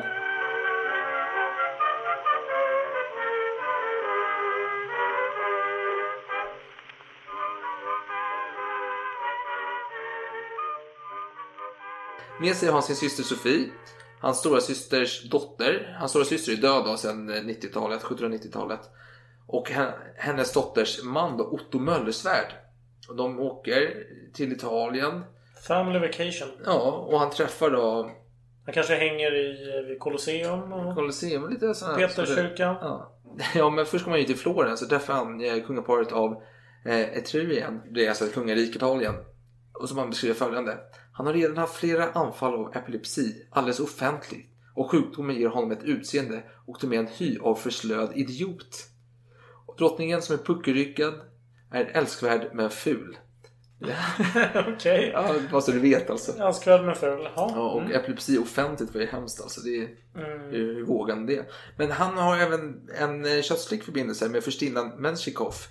Som han kallar för Ketty. Och Ketty är intressant hon har haft en relation med Armfelt innan. Ja, hon hatar Armfelt.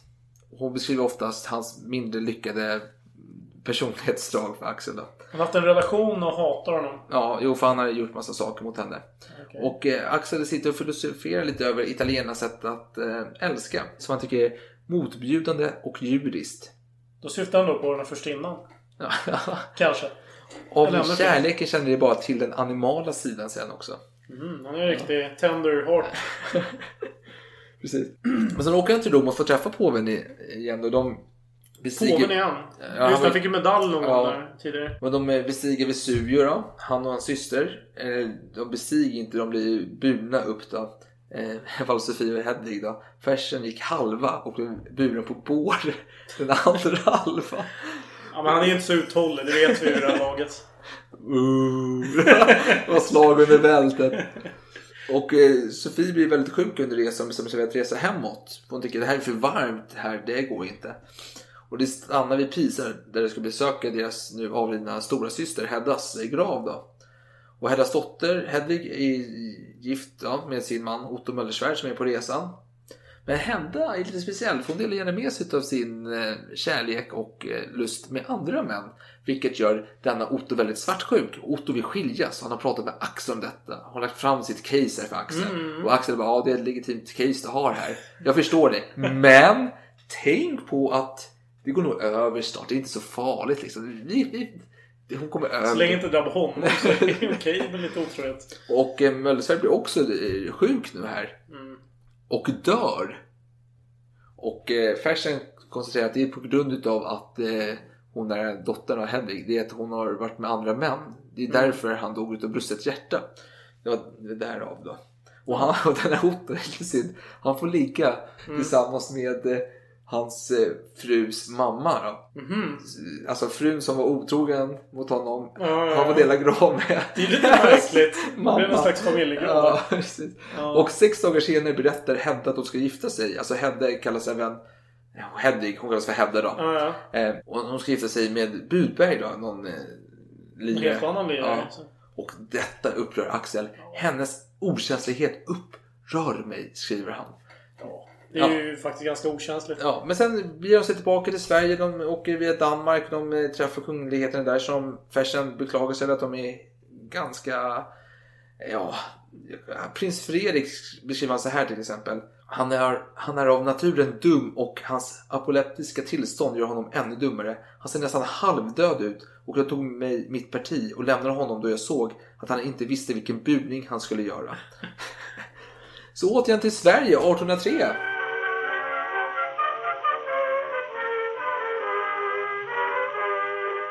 Ja, han återvände till Sverige 1803. Eh, han har haft ett lång semester på över ett år här. Eh, två år nästan blir det väl.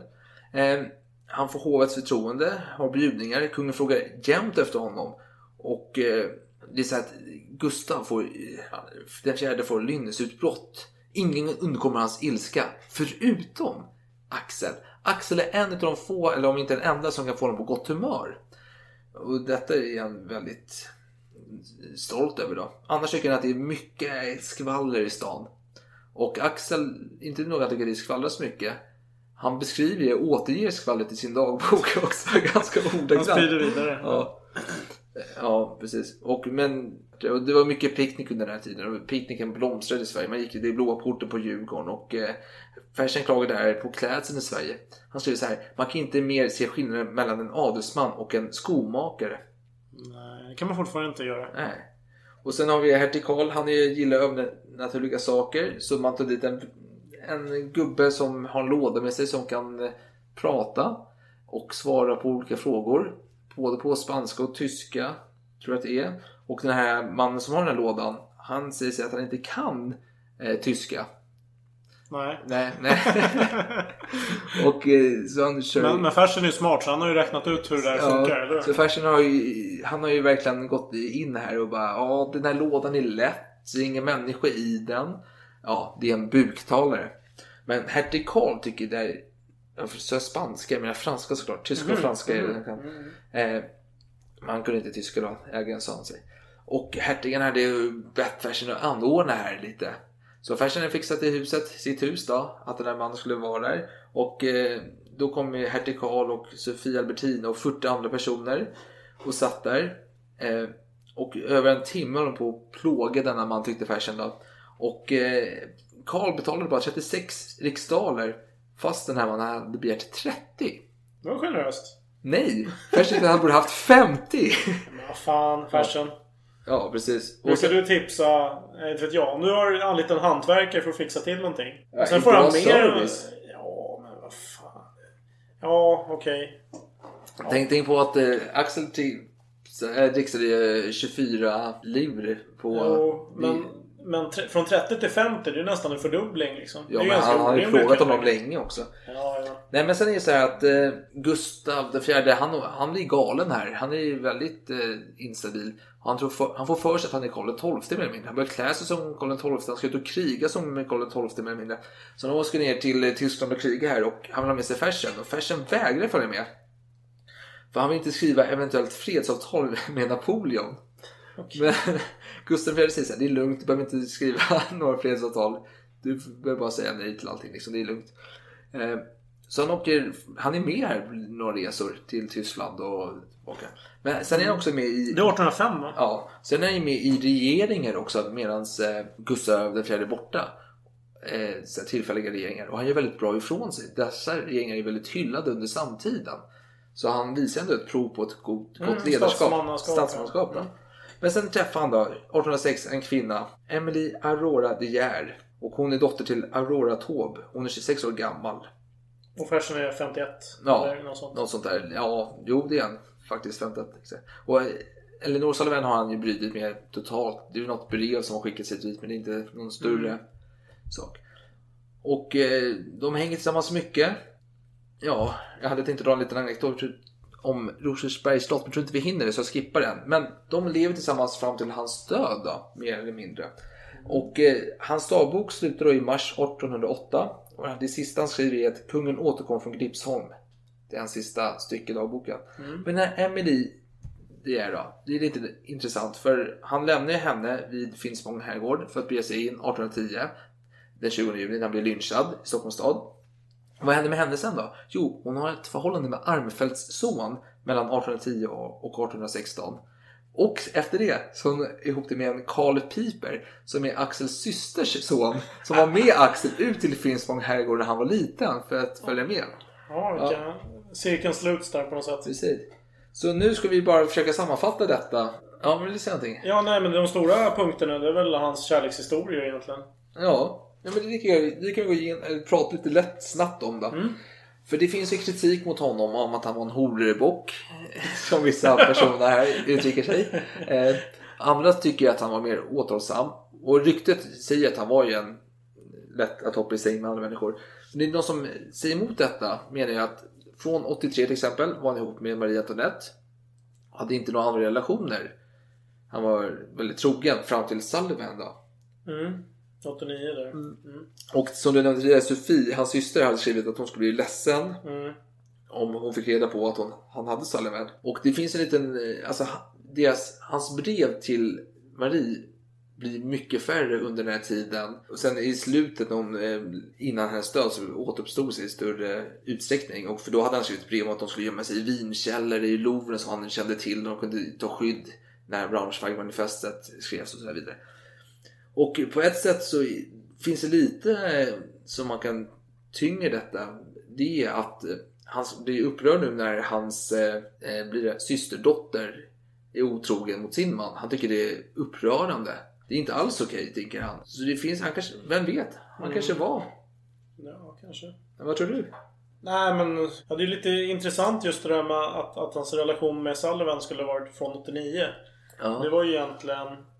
Ja, det var väl i samband med att... eh, Nej men hon, hon var ju fort, hade ju full frihet då under den tiden. Ja. Ändå. Men nu är frågan om de blev kötsliga förrän eh, efter fångenskapen. Skulle han överhuvudtaget träffa henne annars?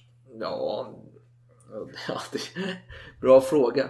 Men det finns ju olika åsikter om Fersen och du nämnde i förra avsnittet att han var som Tintin, vill säga att man fyller på sina Mm. egna åsikter. Jag vet inte riktigt om jag håller med om det. Jag tänker att Fersen står ju ändå väldigt tydligt. Han har alltså jag tänker på Alexander Dumas eh, Tre musketörerna här. Som skrevs på 1800-talet. Du har ju det här idealet, riddaridealet. Det är det Axel står för. Han är ju lojal. Alltså han beskrivs utav sin om, eller samtid. Att han var högdragen, reserverad, läspade, korrekt och humorfri. Och Läspade han gjorde? Ja, och ytlig.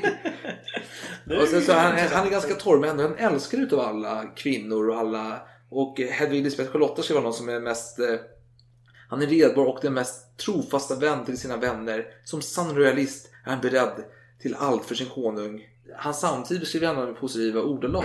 Armfeldt skriver till exempel så här om Fersen. Det är jordens finaste och hederligaste människa.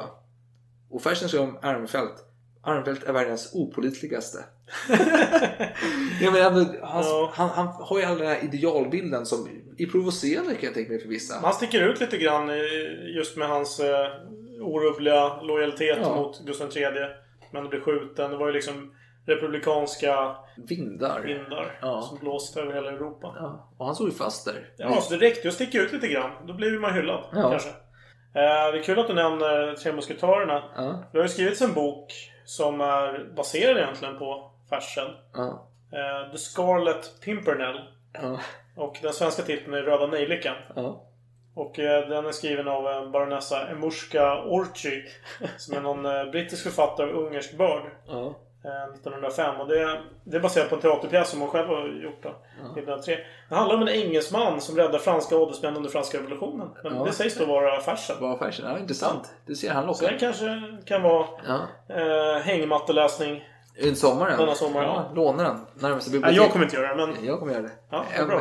Nej, men jag tänker ändå så här att, så jag motsäger mig att han är en tom eh, figur som man bara fyller på med egna värderingar. Jag tror att han har en väldigt stor bas utav en den perfekta lojalitetsmänniskan som står upp för sina ideal. Fast han är hycklare också. Ja men detta är ju provocerande för man tänker det här, han kan inte vara så jävla perfekt. Han kan inte stå för allt detta. Han måste ha Så man fyller i sina egna Ja, motstridiga budskap. Precis. Jag tänker på det här som en författare skriver om att, eh, att man lyfter Axels lojalitet som något positivt. Vilket han hävdar inte är det. För att hans lojalitet mot Ludvig XVI och Gustav IV var att han visade lojalitet mot dåliga föredömen och vad han nu skriver. Och jag tycker det är väldigt konstigt på något sätt att tänka så. För det är väl det, alltså jag tycker det är väldigt vackert att han står upp för, även när jorden, när världen rasar samman så står han upp för sina ideal och det han tror på. Men jag tänker så här, om, om du kollar på en film. Jag hejar alltid på dem. På skurken? Nej. Men ta, ta Star Wars till exempel. Star Wars är fan fantastiska filmer när man var liten. Fan, Luke Skywalker, vem bryr sig om honom? Han Solo, vem bryr sig om honom? Det är Obi-Wan som man sympatiserar med när han står där. Det är den här visa mannen som står upp för sina ideal och som offrar sig. Det är de man gillar. Jag gillar rättare sagt. Det är Mm. de jag hurrar för. Så därför är det klart att Axel blir för mig en hjälte utan dess like. Och jag tror att eh, nyss nämnda Tre Musketörerna, det känns som att det är baserat på Axel. Idealen. Jag känner det. Jag känner det. Obi-Wan Fersen. Obi-Wan Fersen. Ja. Ja. Vad känner du? Nå, Är han en hjälte? Är han ett svin? Är han en hycklare? Är han... jag, jag gillar ju hans konsekvens. Det gör jag. Ja. Jag uppskattar det. Ja, jag vet ju inte hur mycket han har rannsakat sina egna... Liksom... eh, Sin trofasthet. Alltså, men, men jag tänker hans död till exempel. Han har ju chansen att bryta sig ur Mm, detta. det har han. Men han säger ja, plikten framför allt. Ja, frågan är hur han tänkte. Var det liksom, jag vet att jag kommer få skit, jag kommer dö och det jag gör det. Eller var det snarare att, du ska inte få stjäla min glans här och ta över den här positionen. Eh, han kanske tänker så här, efter, eftervärlden kommer ju se ner på mig om jag inte ställer upp. Om jag fegar. Jag Jo, men göra hur många män har inte, och kvinnor har inte fegat Jo, det är klart. i världshistorien? Ja, jo, visst. Alltså någonstans, om du hamnar i en krissituation där du kan, Mm. ditt liv står på fara, sitter du och tänker då att Undrar vad eftervärlden tycker om mig förresten? Nej, det är modigt. Det får man säga. Nej. Så det kan jag ge honom. Han, Jag- är, han är modig. Jag tycker att Fersen är en hjälte utan dess like. 100% hjältestämpel från min sida. Vad säger du? Ja, inte 100% det gör jag inte. Men... eh, 98? Eh, dumdristig. Eh, Dumdrist? Hjälte kanske. Nej, du är tappad alltså.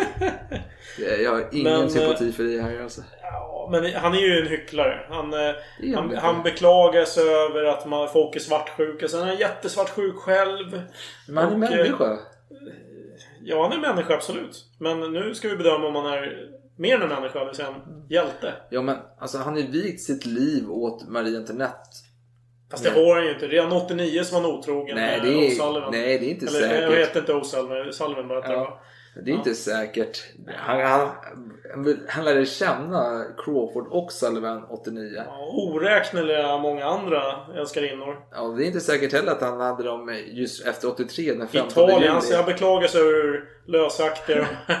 Jag vet Ja. inte riktigt varför han gör det Jo, överhuvudtaget. jo, men det jag har och för sig inte nämnt oss, men han nämner han- i han Italien att- ja, han att, att de är- har förhållanden som är trepartsförhållanden hela Oj, tiden. intressant. Som han tycker är osmakligt och Mm. vidrigt. Och sen när han bor i England så bor han på den här horgatan. Och han älskar den horgatan. Han klagar på den men han älskar den. Ja, jag Och vet han inte. väljer att bo Men där. han har ju, alltså efter Maries död, han samlar ju på saker som tillhör Marie. Han länsar i Europa på tillhörigheter som han skulle lika gärna med de som är skeptiska till honom att han bara gjorde det för egen vinning. Vad fan ska han gå runt och leta efter dyra saker som tillhör marinen? Nej, han har ju uppenbarligen affektionsvärde för... Ja. Alltså, eller han, han känner affektion för Ja. Marie Antoinettes Ja. minne.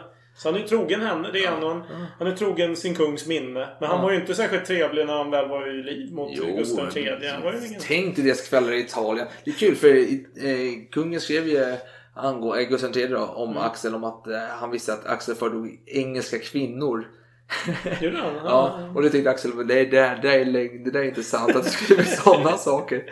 Så det är lite intressant. Nej, men jag- det är dags att avrunda detta Mm. för det, ska bli ett, det blir ett väldigt långt avsnitt. Men vi har Facebook-sidan som ni kan nå oss på. Eh, mailadress också likaså. Eh, nästa gång vi syns då är det något helt annat vi ska prata om. Lite mer lättsamt. Mm. Lite koppling till detta trots allt. Så det blir spännande att se hur vi kan Ja, knyta upp den eh, Vilken, eh, smördegen. vilken teaser du. Oj, oj, oj, nej, nej, nu går det för långt. Ja, vi rundar av här. Ja. Jag försäger allt för mycket. Ja, hej då! Hej. Han är redbar och den mest trofasta vän till sina vänner. Som sann royalist är han beredd till allt för sin konung. Har gjort det till sin lag att tjäna honom och vara varmt tillgiven Gustav III. Han hyser samma känslor för hans son och hela den kungliga familjen. Fersen har lidit svåra prövningar. Han sökte rädda sin välgörare Ludvig den XVI men misslyckades och sörjde djupt däröver. Han är alltför stolt att intrigera. Då tillfället yppas säger han uppriktigt och oförskräckt sin mening. Ehuru han ej alltid gillar de styrandes åtgärder iakttar han härvidlag om möjligt ännu större diskretion om grannlaghet än eljest. Han lider i tysthet. Ett ord av klander eller kritik kommer icke över hans läppar.